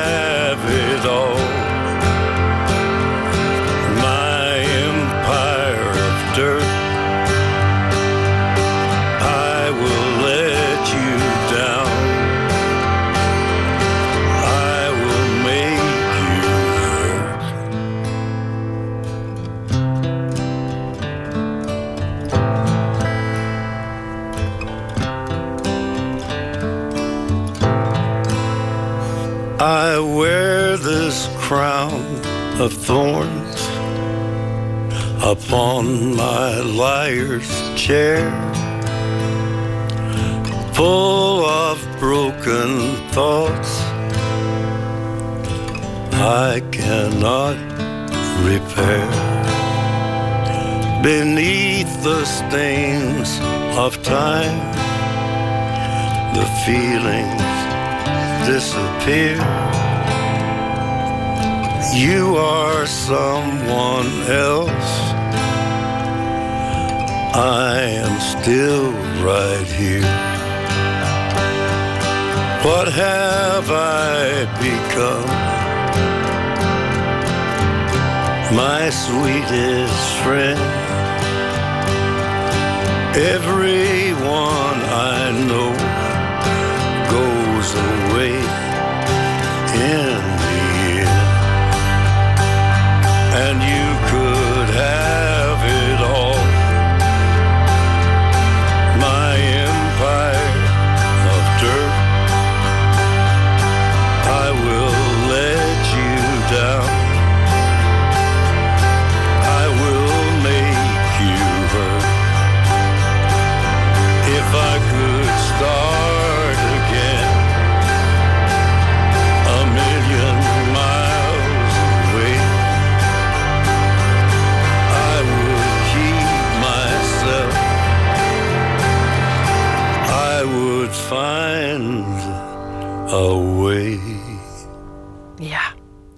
schitterend. Hurt, een nummer van Nine Inch Nails. En dit was de versie uiteraard van Johnny Cash.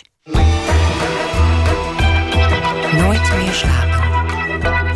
Sinds kort draait de film Mengelhoorn in de bioscoop met El Pacino in de hoofdrol. Matthijs Deen zag de film, raakte weer in de ban en vroeg zich af waarom eigenlijk. Hebt u dat ook? Zo'n acteur waarvan je de naam altijd ontglipt. Die je dan alleen maar aan kan duiden met de rol die hij heeft gespeeld. Ik heb dat met de acteur die in Rain Man de autistische grote broer speelt. Who's your dad? Sanford Babbitt. Sanford Babbitt? En waarom kan ik niet op zijn naam komen? Iedereen kent die naam. Omdat er een andere naam onmiddellijk boven komt. Eentje die in de weg gaat zitten. Die ik niet uit mijn hoofd kan zetten. En die zodoende elke zoektocht naar de Rain Man blokkeert. De naam van die acteur is Al Pacino. Zijn naam lijkt niet eens op die van Rain Man. Ook de mannen lijken niet op elkaar uiterlijk. Me and Bob and Dustin, tremendous competition. We were always cross, you know, crossing each other. Hoe komt het dat El Pacino zoveel ruimte inneemt? De eerste is die zich aandient, zo aanwezig is. Heeft het met mijn generatie te maken? Ik vroeg het mijn zoon. Voor hem is het Johnny Depp die overal voorspringt. Johnny Depp. Ken je El Pacino dan? vroeg ik. Ooit van gehoord? Ja, Waarvan? van jou. My father taught me many things. He taught me in this room. Dat is toch de Godfather? zei zijn vriend die op bezoek was. He taught me keep your friends close, but your enemies closer. El Pacino, de Godfather. Het grote zwiebertje effect. Nooit meer de rol afgeschud. Een heel leven lang. Ik hoorde een Amerikaanse comedian ooit een onderscheid maken tussen hele goede acteurs en Wizards. Een categorie apart. De hele goede acteur levert de prestatie als een bijzondere vakman of vakvrouw. Bewonderenswaardig. Bij de Wizard, daar gebeurt een wonder. Horror has a face. Daar zie je een reis naar een land waar hij of zij alleen maar kan gaan. Iets dat niet meer met vakmanschap te verklaren And is. you must make a friend of horror. Er zijn heel wat meer hele goede acteurs dan Wizards. Horror and moral terror. Tom Cruise bijvoorbeeld is een hele goede acteur. Net als Keira Knightley. Maar Meryl Streep, He brought us joy, Marlon Brando en Dustin Hoffman. and we loved him well. Dat zijn Wizards. He was not ours. He was not mine. Maar Al Pacino, What you think I am, huh? What you think I'm a fucking worm like you? I told you, man. I told you, don't fuck with me. I told you. I don't know what to say, really. Three minutes to the biggest battle of our professional. He's smarter than I am. Three years old, he can read the funny papers. We're passing each other on the downslope of a marriage. My third. Reads the funny paper. Because I spend all my time chasing guys like you around the block. That's my life. het is natuurlijk niet mogelijk om voor u, voor jou te spreken, luisteraar. U bent misschien ouder dan ik, of je bent misschien jonger. Komt heel ergens anders vandaan, met een heel andere levensgeschiedenis. Of u bent eenvoudig een vrouw en ik niet. Er zijn allerlei redenen die ervoor kunnen zorgen dat ik de plank missla als ik iets algemeens over El Pacino probeer te zeggen. Maar hij is geen wizard. Geen buitencategorie. Daarvoor is hij op een gekke manier te bereikbaar. Altijd te veel El Pacino. De man die, net als zijn vriend, de hele goede acteur De Niro... naar hartelust geïmiteerd kan worden. I worked on something just for this moment. Omdat hij altijd zijn bewegingjes heeft, zijn stemverheffingen... I don't want to bother you. zijn tijdens een korte aarzeling in de tekst... naar een plek buiten je gezichtsveld zoekende blik... Skeleton goes into a bar. Orders a beer. And a mop. Het is niet een halfgoddelijke status als wizard-acteur... die hem zo indringend en aanwezig maakt. Het is iets anders. Het zijn eigenlijk twee dingen, denk ik... die in elkaars verlengde liggen. En die allemaal teruggaan op het leven en de persoonlijkheid van El Pacino zelf. De jongen die in armoede en vaderloos opgroeide in de Bronx. Natuurlijk is daar eerst de Godfather, de rol van de oppassende zoon die maffiabaas wordt. Een rol die hem naar het middelpunt van de belangstelling geschoven heeft. Maar er is iets met die film. Toen El Pacino in New York Film Academy werd geïnterviewd voor een publiek van studenten, haalde de inleider, een studentendecaan die Eric Connor heet, een herinnering op aan zijn eigen jeugd. Iets met zijn vader. Um, when I was about nine years old, my dad decided the, he had waited long enough. It was time for his son to be a man. Time for The Godfather. Mm-hmm. And we watched The Godfather twice. And one scene in particular, I remember my dad really almost was like trying to teach me something.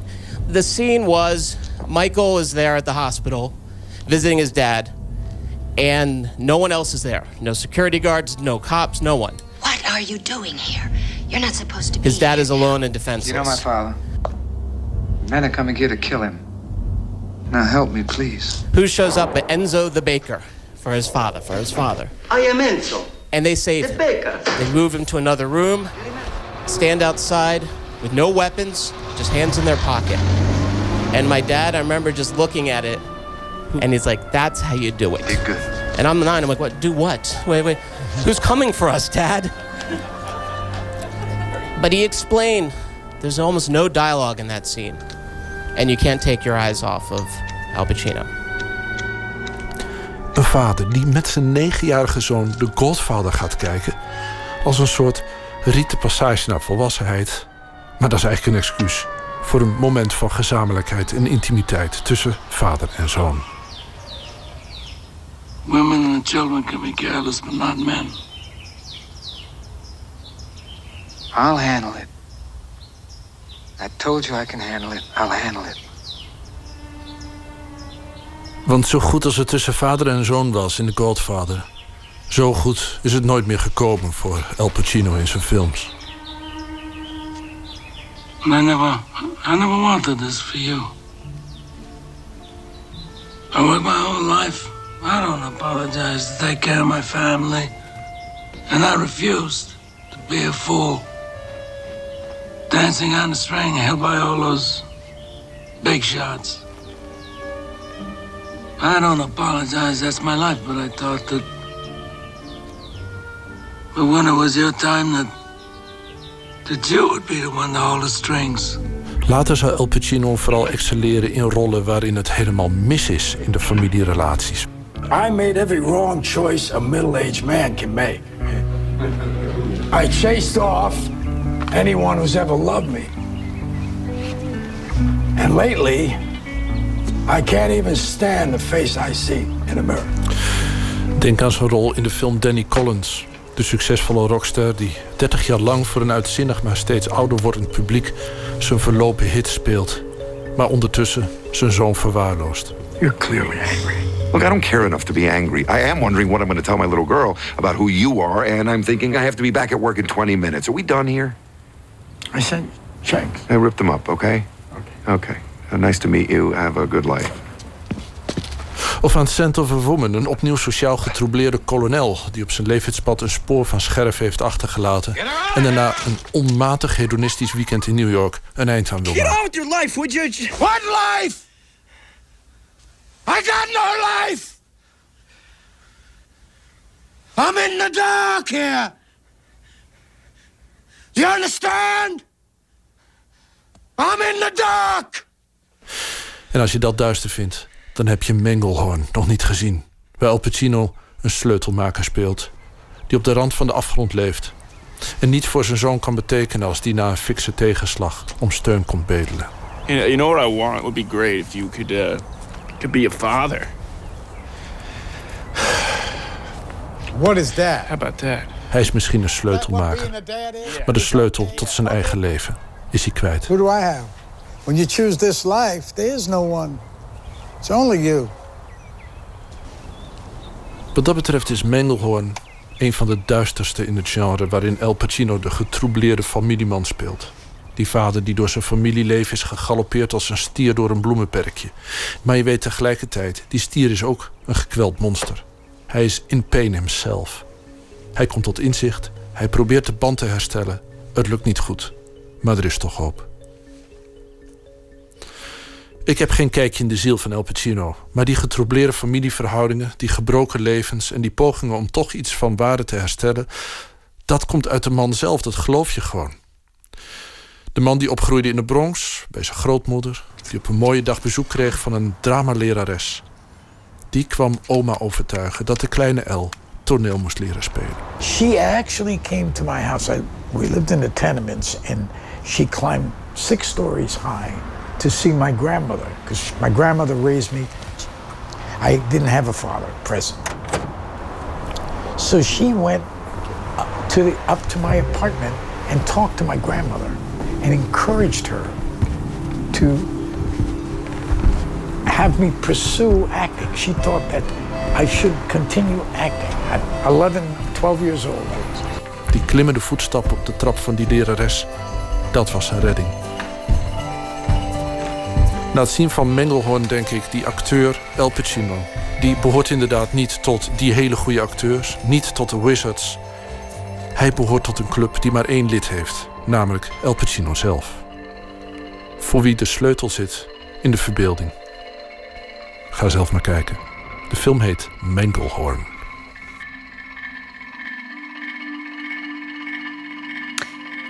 U hoorde een portret van El Pacino naar aanleiding van zijn hoofdrol in de film Mengelhorn, die in veel bioscopen in ons land te zien is. Een bijdrage was dit van Matthijs Deen. Hier is de New Yorkse band met twee zangeressen, Lucius. Hun tweede album Good Grief verscheen dit jaar en uh, nou ja, wij gaan daar één nummer van draaien. We, we kunnen er helaas niet gewoon drie draaien. Het heet Dusty Trails.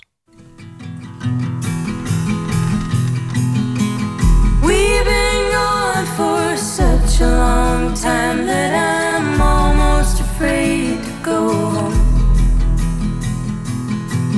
Long road is a long, dragged out imagination where things can go wrong, but we keep rolling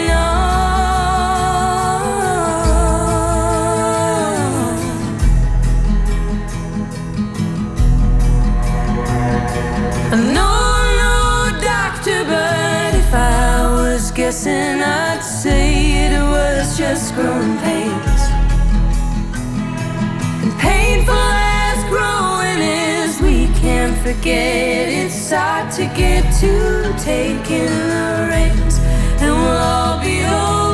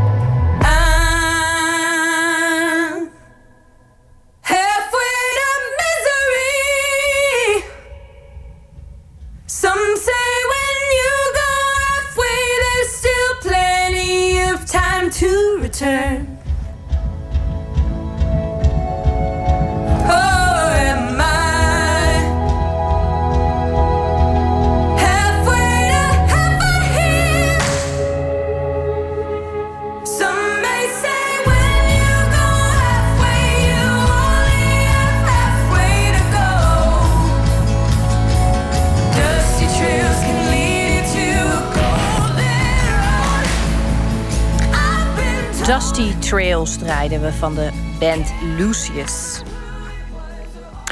En het is nu tijd voor Toendra, de reeks korte documentaires over mensen in een bijzondere situatie. En vandaag gaat Toendra over onverwachte obstakels bij het krijgen van een kind. Luistert u naar Een Affaire, een verhaal gemaakt door Prosper de Roos.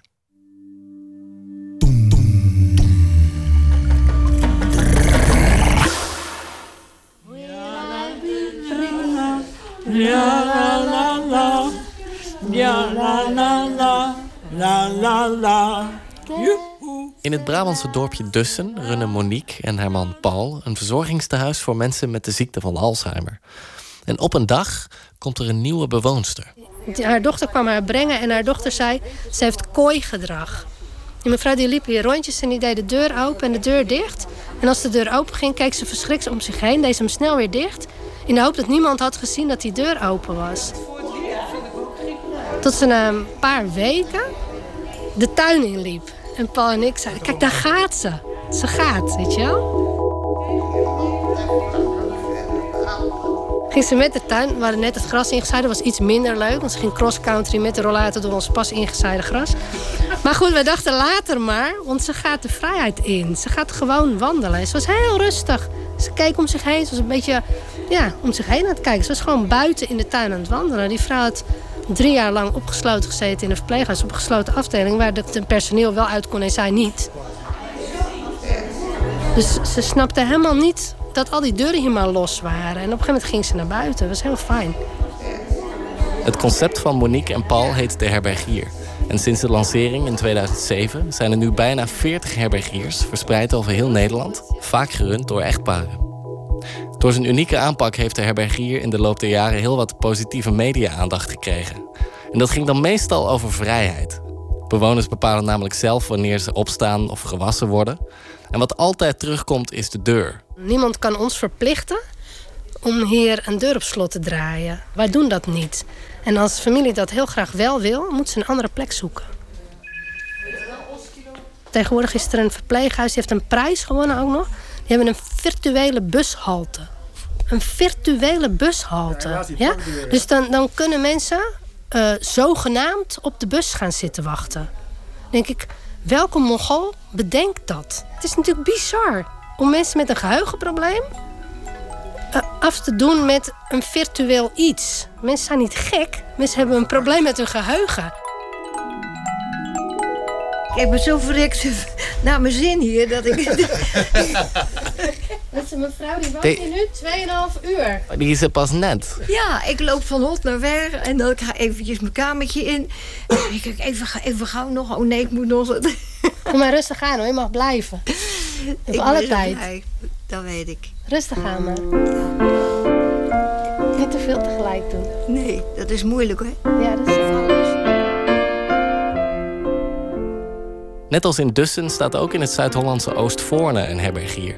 En die wordt gerund door Peter en Margriet. En ook daar krijg ik een rondleiding en vertellen ze me direct waarom zij de mensen in hun herbergier nog patiënten, Patiënten gebruiken we sowieso niet. Hè. nog gasten noemen. Ik zelf vind altijd een gast komt, maar een gast gaat ook weer.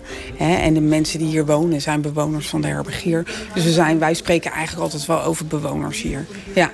Een van die bewoners is ome Jan, Nou, ze doen alles voor je als, je- als je wat vraagt. Die in de woonkamer de krant zit te lezen. Er is altijd wel wat te lezen in die krant, hè. En als je hem vraagt hoe oud hij is, Hoe oud ik ben?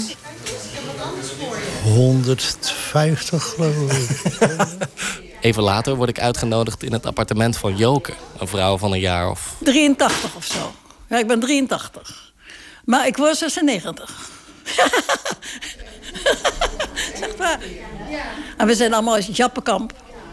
Drieënhalf jaar. Tjotske, kere, nagore, jas, weet weet het allemaal nog precies. Hè? In, in- waar was dat in Brilo? Waar was het? In Indonesië? In Indonesië. Kijk, ik hoef niet bang te zijn dat iets verkeerd gaat, want ik word geholpen. En dat is, vind ik heerlijk, want ik ben nogal snel. Dus het kan wel eens verkeerd gaan. En, en wat gaat er dan bijvoorbeeld? Ja, dat weet ik helemaal niet meer. Ik heb Alzheimer, hè? Dus vloep, eruit. Ja. Kijk, ik zou het niet weten. Kleine dingetjes. Want anders had ik het wel geweten. Dat is een diepe.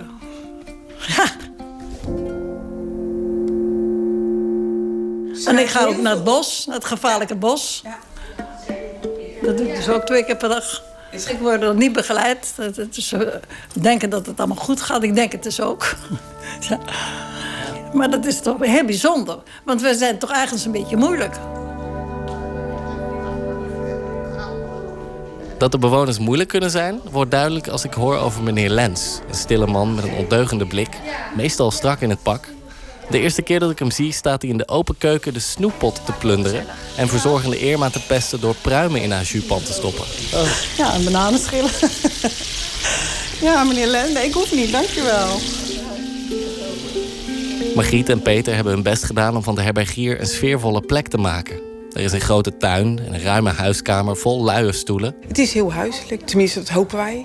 Tenminste, Maar hoe hard het personeel ook werkt om ze een thuis te bieden... elke middag rond een uur of vier worden de bewoners onrustig. Want dan willen ze naar huis.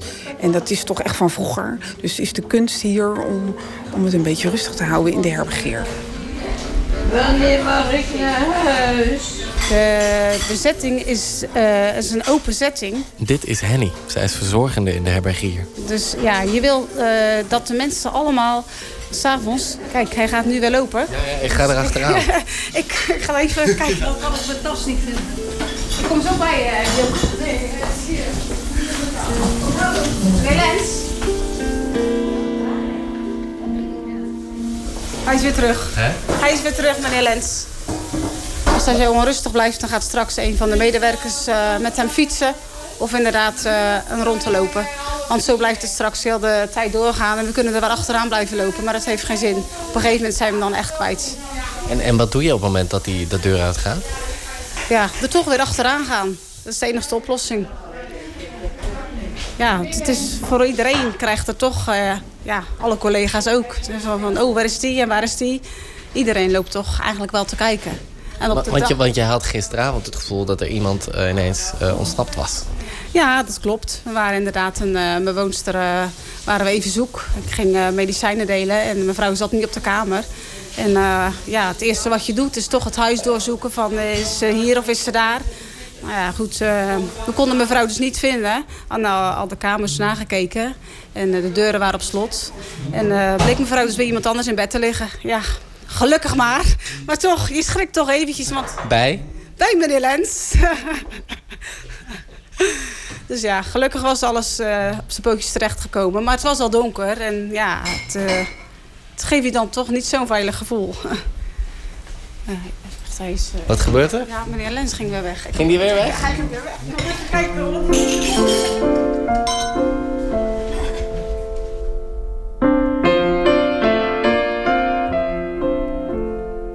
Ik weet niet of we daar tussen kunnen. hoor. Even kijken. Iedere keer verrassing. Het zijn allemaal zijstraatjes hier. Margriet neemt me mee naar een plek in de buurt van de herbergier, aan de rand van het bos. Ze vertelt wat daar twee jaar geleden gebeurde. Het was een hele mooie herfstdag, door de weekse dag. Een van de bewoonsters was naar buiten gegaan. Het was een, hele lieve, lieve, vriendelijke mevrouw, maar ze kon niet meer praten. Door de dementie. Eh, Ze kon zich niet meer uiten, maar lopen kon ze nog wel. Het was sportief, heel lenig. Dus wat dat betreft, eh, ja, kon je nog... eh, zij liep ons eruit, zeg ik altijd. Het is een uur of vier als het personeel haar roept voor de koffie. Toen zei ze, joh, de deur staat open. Ze is naar buiten gelopen. En ik zei, nou, dan moeten we er zoeken. Want zij weet alleen de weg niet meer terug. Dus, eh, nou ja, in principe, we zijn allemaal gaan zoeken. Allemaal eh, met, eh, met de auto, met de fiets, wandelend. De politie gebeld, we hebben ook de familie gebeld. Gezegd van, joh, eh, je moeder is aan de wandel. We zijn er aan het zoeken, maar we hebben haar nog niet gevonden. En op een gegeven moment, ja, toen verstreek de tijd. Toen kwam de politie, die ging natuurlijk ook zoeken. En op een gegeven moment werd het zeven uur s'avonds. En het werd donkerder en het werd kouder. En ja, dan eh, denk je wel van, oeps, komt dit nog wel goed? Op een gegeven moment werd ik wel gebeld dat ze dus, eh, ja, dat ze dus gevonden was. En het was volgens mij ja, tussen half tien en tien uur 's avonds. En, eh, en het eerste wat ik zei van, en eh, leeft ze nog? Nee, ze leeft niet meer. De vrouw leed aan epilepsie. En daarom denkt Margriet Dat dat zij van de kou en de vermoeidheid een zot heeft gekregen. En toen gevallen is in het water. Ja, en toen verdronken. Ja. Daar gaat echt de grond zakt onder je voeten vandaan. Margriet blijft de hele nacht wakker. Ze denkt aan de vrouw, aan haar familie. En ze denkt aan haar eigen instelling. Ja, er gaat van alle, je bent de hele dag maar de hele nacht aan het malen. Hè? Van hoe moet dit nu verder? En niemand wil meer in onze herbergier wonen. Want ja, als dit gebeurd is, dan krijg je vast een slechte reputatie. En Want jullie dachten echt, het is voorbij. Ja, ik dacht het is voorbij. Niemand wil hier meer wonen. Maar dan zegt de familie: wij hebben liever dat mijn vader of moeder in vrijheid eh, woont. En dan misschien aan de wandel ging, genoot van het weer. En dan zo uit het, nou ja, uit het leven stapt. Maar hè, dan op een gesloten afdeling waar je, waar je nooit weg kan en waar je voor de deur staat. En eh, familie die zei eigenlijk van ja, maar joh, wij weten dit. Dit is het risico van het wonen in de herbergier. En toen dachten wij ja, inderdaad.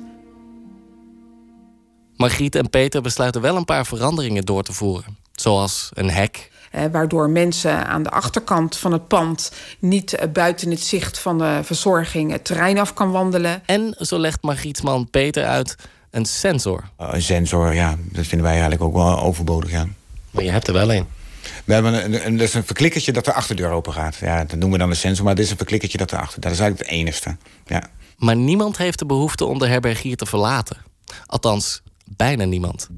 Want rond diezelfde periode is er één vrouw die de filosofie van de herbergier misschien nogal meer aan het wankelen brengt dan dat tragische ongeval. En haar naam is mevrouw Snijders. Mevrouw Snijders, die was natuurlijk vanaf het begin af aan... Hè, eh, wilde ze eigenlijk niet in de herbergier wonen.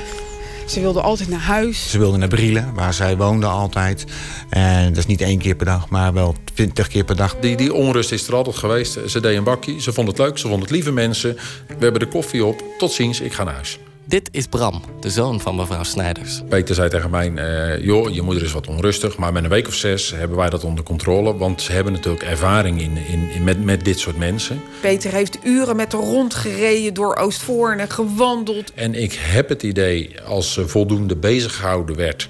dat, dat het wel wat wegepte. Maar ja, dan, dan waren ze een half uur met haar aan het wandelen. Nou, ja, nou, wel leuk gewandeld, maar nou ga ik naar huis.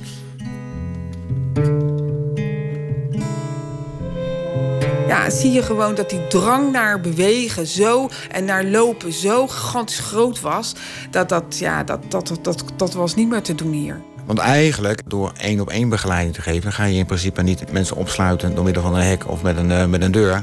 Maar dan zet je constant een bewaker erbij. En dat geeft hetzelfde gevoel als je, dat, eh, als je opgesloten wordt, ja. Uiteindelijk gaat mevrouw Snijders naar een crisisopvang... waar het personeel nauwelijks moeite met haar heeft. Ja, alleen ging ze ook wel aan de haal. Maar daar werden ze daar niet zenuwachtig van. Omdat ze, ja, ze kon toch niet weg. Iedereen met dementie moest kunnen wonen in de herbergier. Maar dat idee hebben Peter en Margriet inmiddels losgelaten. Mensen die constant weglopen, die kunnen ze nou eenmaal niet huisvesten. Nou ja, misschien is een, een- nou ja, ik durf het bijna niet te zeggen, verpleeghuis in sommige situaties misschien toch eh, met een gesloten setting en een behandelteam daaromheen beter, beter op dat moment. Hè? En toch, ondanks de gevaren, blijven de herbergiers geloven in hun droom. Volgens Monique van de herbergier in Dussen is er geen alternatief. Ja, dat, dat mensen verongelukken, dat gebeurt. De, de scholen zijn net weer begonnen. We weten met z'n allen dat er straks aan het eind van het jaar tien kinderen doodgereden zijn. Dat weten we. Wat gaan we dan doen? Gaan we niet meer naar school? Dit is geen optie. Zelfs in Oostvoorne, waar twee jaar geleden een van de bewoners in het water liep, staan de deuren nog altijd open. Ga je mee, meneer Lens? Gaat u ook mee, oom Jan? Gaan we een bakje koffie drinken binnen? Nee, we willen naar huis toe. Ga je mee? Meneer Lens? Ja, dat heb ik nou vier keer gezegd, ja. Ga je mee? Gaan we naar de koffie? Nee, we zullen naar huis gaan. Ja, we gaan naar huis. Oh, dan is niet naar huis dan. Ja, hier binnen is je huis. Boven. Zij zit boven. Ja.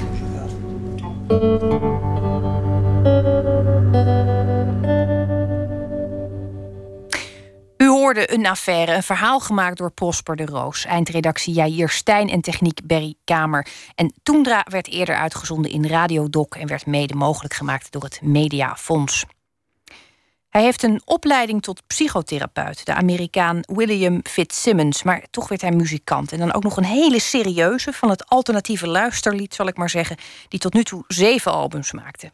Een serieuze zanger doet echter ook wel eens iets geks. En Fitzsimmons kofferde daarom het kauwgomballen popliedje van tieneridool Katy Perry. Luistert u naar zijn versie van I Kissed a Girl.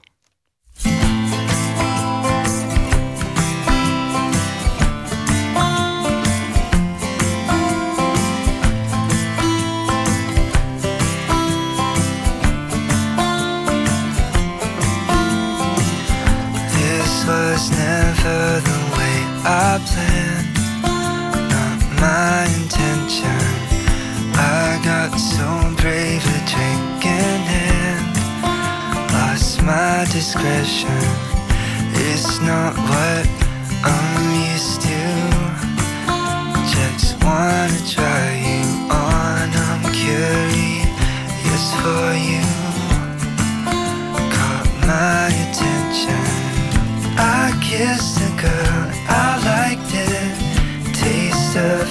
cherry chapstick. I kissed a girl just to try it. Oh, my girlfriend don't mind it if felt so long, it felt so right. Put me on in love tonight. I kissed a girl, I liked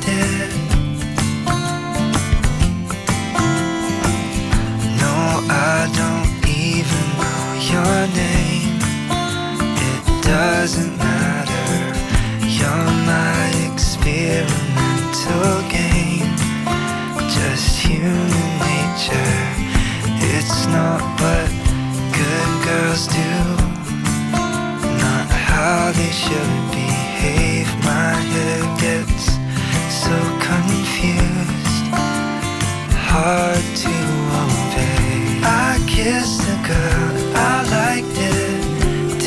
of her cherry chopstick. I kissed a girl just to try it. Oh, my girlfriend don't mind it.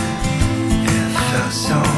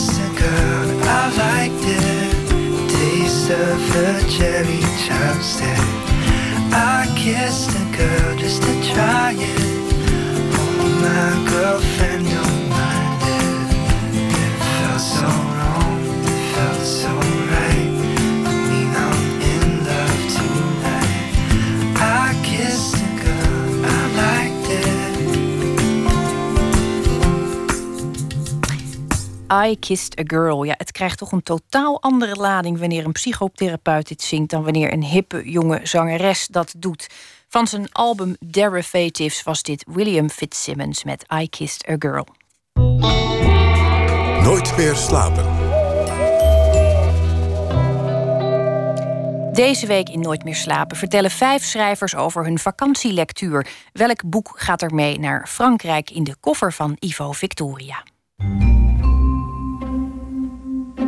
Het is wel zo dat je, naarmate ik, ja, dat, dat ik wat dat betreft wel een stukje leesplezier ben kwijtgespeeld sinds ik schrijf zelf. Eh, vroeger was ik daar toch onbevangener in. En nu eh, ja, ligt het, is het toch altijd een beetje werken. Maar, maar soms ook niet hoor. Dat is ook altijd een beetje de, het dilemma wanneer ik op vakantie ga. Ehm, dan gaan we meestal een paar weken naar Frankrijk. En dan is de vraag altijd: ga ik veel lezen of ga ik juist eh, niks lezen? Eh, vorige zomer heb ik vrijwel niks gelezen. Ik voelde gewoon dat ik moe was van het werken aan het boek. En dat ik er totaal geen behoefte aan had om nu met literatuur bezig te zijn. en, eh, maar er zijn ook zo vakanties dat ik tien boeken op twee weken tijd lees. Dus ja, we zullen zien hoe het dit jaar uitpakt. Een boek dat in ieder geval meegaat in de cover van Ivo Victoria is Meneer Gwyn. Een roman van de Italiaan Alessandro Barrico. Ja, voor dit boek is eigenlijk geen specifieke reden, maar wel voor deze schrijver. Ik ben eh groot fan van Alessandro Barrico. Tenminste, dat ben ik eh, in steeds grotere mate aan het worden. Want ik heb hem eigenlijk pas ontdekt bij zijn laatste roman, De Jonge Bruid.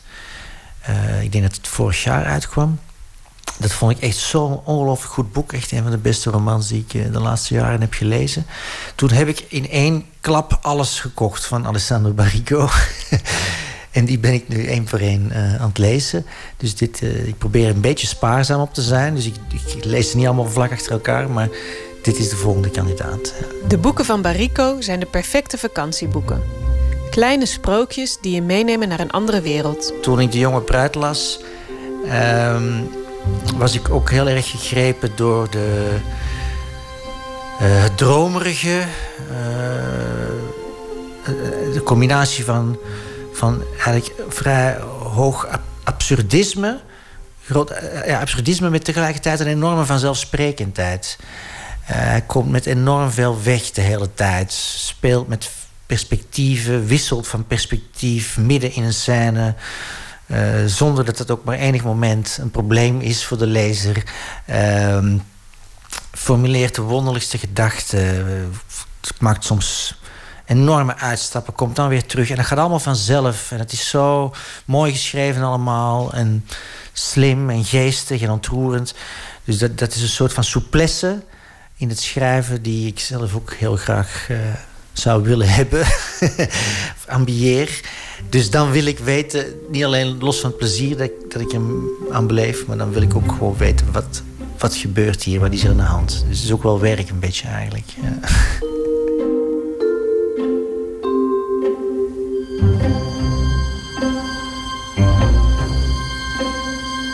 En is het voor jou, want je bent nu eh, druk bezig aan je boek dat begin volgend jaar eh, verschijnt. Is zo'n eh, vakantie dan ook even een ontsnapping daaraan? Of ben je daar toch stiekem ook nog wel mee bezig? Nee, dat is het zeker. Ik heb nu een, nog maar pas een vrij afgewerkte versie van het boek ingeleverd. Daar heb ik dan deze week nog een paar afspraken over. En dan eh, vertrek ik op vakantie en denk ik, of probeer ik een maand lang eigenlijk niet aan dat boek te denken. En dan, dat lukt meestal ook wel. Dat is ook wel goed. Dat is ook wel nodig om er even helemaal uit eh, te stappen. En dan in september, ehm, dan eh, ga ik het weer lezen. En dan denk ik dat nog een maand of twee maanden echt met de luizenkam er doorheen ga. En dat, dat is ook wel goed, omdat je dan het boek na een maand vakantie... kun het boek weer helemaal fris lezen. En eh, met een heldere blik. Terwijl als je, ik ben, nu toch eh, anderhalf jaar vrij intensief ermee bezig geweest, zonder veel andere dingen te doen. Dan wordt op de duur de, de afstand tot zo'n boek te kort en, en eh, wordt het lastig om nog te zien of het nu is wat je voor ogen had of niet. Of eh, ja, je raakt een beetje het overzicht kwijt. Nou, ik ben benieuwd. Ik kijk uit naar je roman. Ik zal eens kijken of daar wat van de dromerige sfeer van Barrico in terug te vinden is. Ja, ik hoop het echt. Ik denk het wel. Ik denk het haast wel.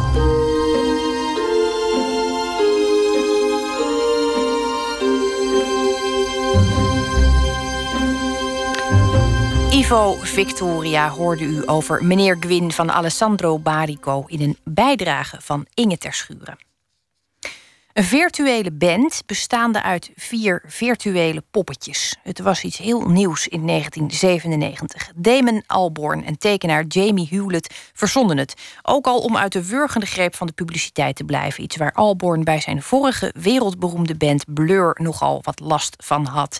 En van hun debuutalbum komt dit nummer, waarin je als je heel goed luistert... af en toe een fragment uit de tune van The Good, The Bad and The Ugly kan horen. En het nummer heet Clint Eastwood.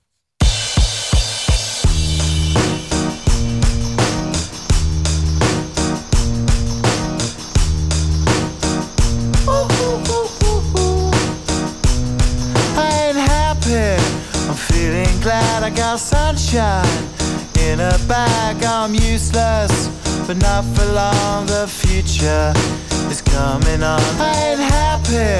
I'm feeling glad I got sunshine in a bag. I'm useless, but not for long. The future is coming on. It's coming on. It's coming on. It's coming on. It's coming on. Finally, someone let me out of my cage. Now, time for me is nothing cause I'm counting no A's. Nah, I couldn't be there. Nah, you shouldn't be scared. I'm good at repairs and I'm under each snare. Intangible. Oh, Bet you didn't think, so I command you to. Panoramic view. Look, I'll make it all manageable. Pick and choose, sit and lose. All you different crews, chicks and dudes who you think is really kicking tunes. Picture you getting down in a picture tube. Like you lit the fuse. You think it's fictional, mystical, maybe. Spiritual hero who appears in you to clear your view when you're too crazy. Lifeless to those the definition for what life is. Priceless to you because I put you on the hype shit. You like it? Gun smoke, you're righteous with one toe. You're psychic among those possess you with one go. I'm feeling glad I got sunshine in a bag. I'm useless, but not for long. The future is coming on. Ain't happy. I'm feeling glad I got sunshine in a bag. I'm useless, but not for long. The future is coming on, it's coming on, it's coming on, it's coming on, it's coming on. The essence, the basics. Without it, you make it. Allow me to make this child like your nature. Rhythm, you have it or you don't. That's a fallacy. I'm in them. Every sprouting tree, every child of peace, every cloud and sea. You see with your eyes and see destruction and demise. Corruption in the skies from this fucking enterprise. Now I'm sucked into your lives through rust. So not his muscles, but percussion to provide for me as a guide. Y'all can see me now cause you don't see with your eye. You perceive with your mind. That's the inner. So I'ma stick around with Russ and be a mentor. Bust a few rhymes so motherfuckers remember what the thought is. I brought all this so you can survive when law is lawless. Feeling sensations that you thought was dead. No squealing. Remember that it's all in your head. Hey, it happened. I'm feeling glad I got sunshine in a bag. I'm useless, not for long. The future is coming on.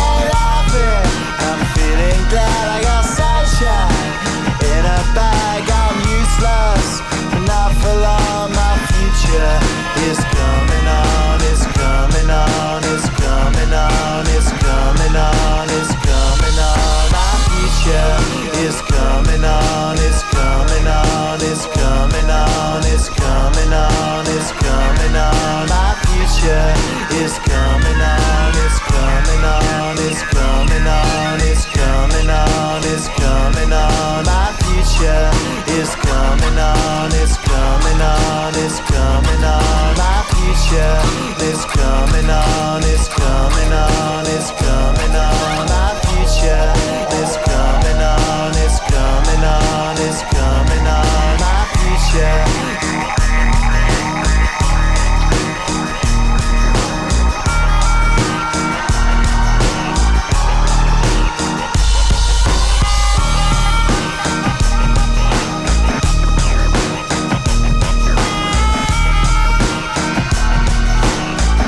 Mocht u zijn eh, weggedommeld, dan bent u nu weer helemaal wakker. Dat was de Britse band Gorilla's met hun nummer dat Clint Eastwood heet. En ook deze week sluiten wij iedere nacht af met een gedicht. Een keuze dit keer van dichter en romancier Sascha Jansen. In 2001 verscheen haar eerste roman De Kamerling. En haar laatste bundels heet Ik trek mijn species aan. En die werd genomineerd voor de VSB Poëzieprijs. Het gedicht dat zij voor vannacht uitkoos is van Klaas ten Holt en heet Waar was je toen ik je nodig had?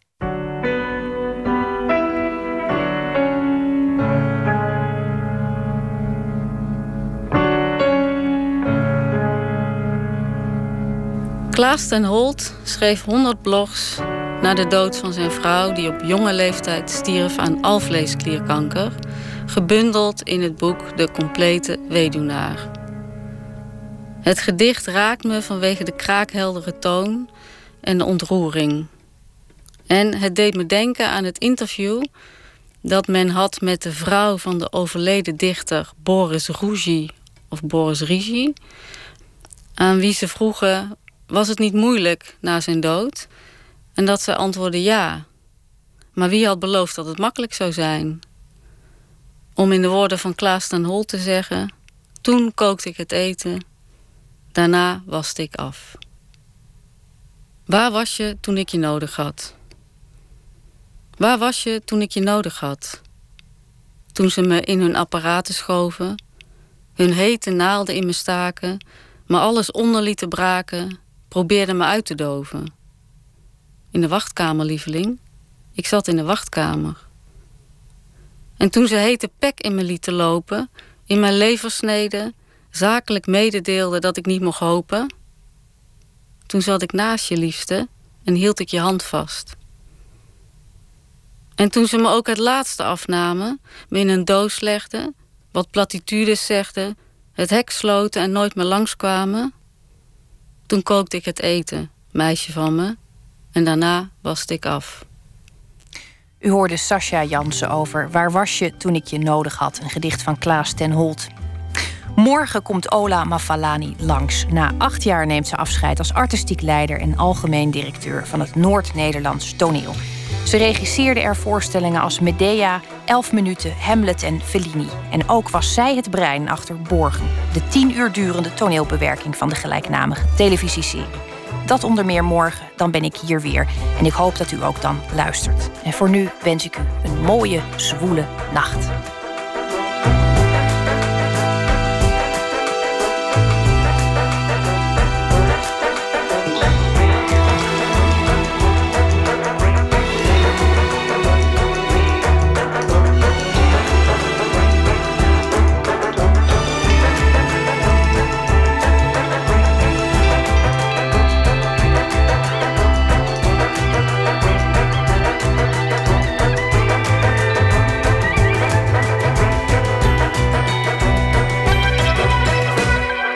Radio 1, het nieuws van alle kanten.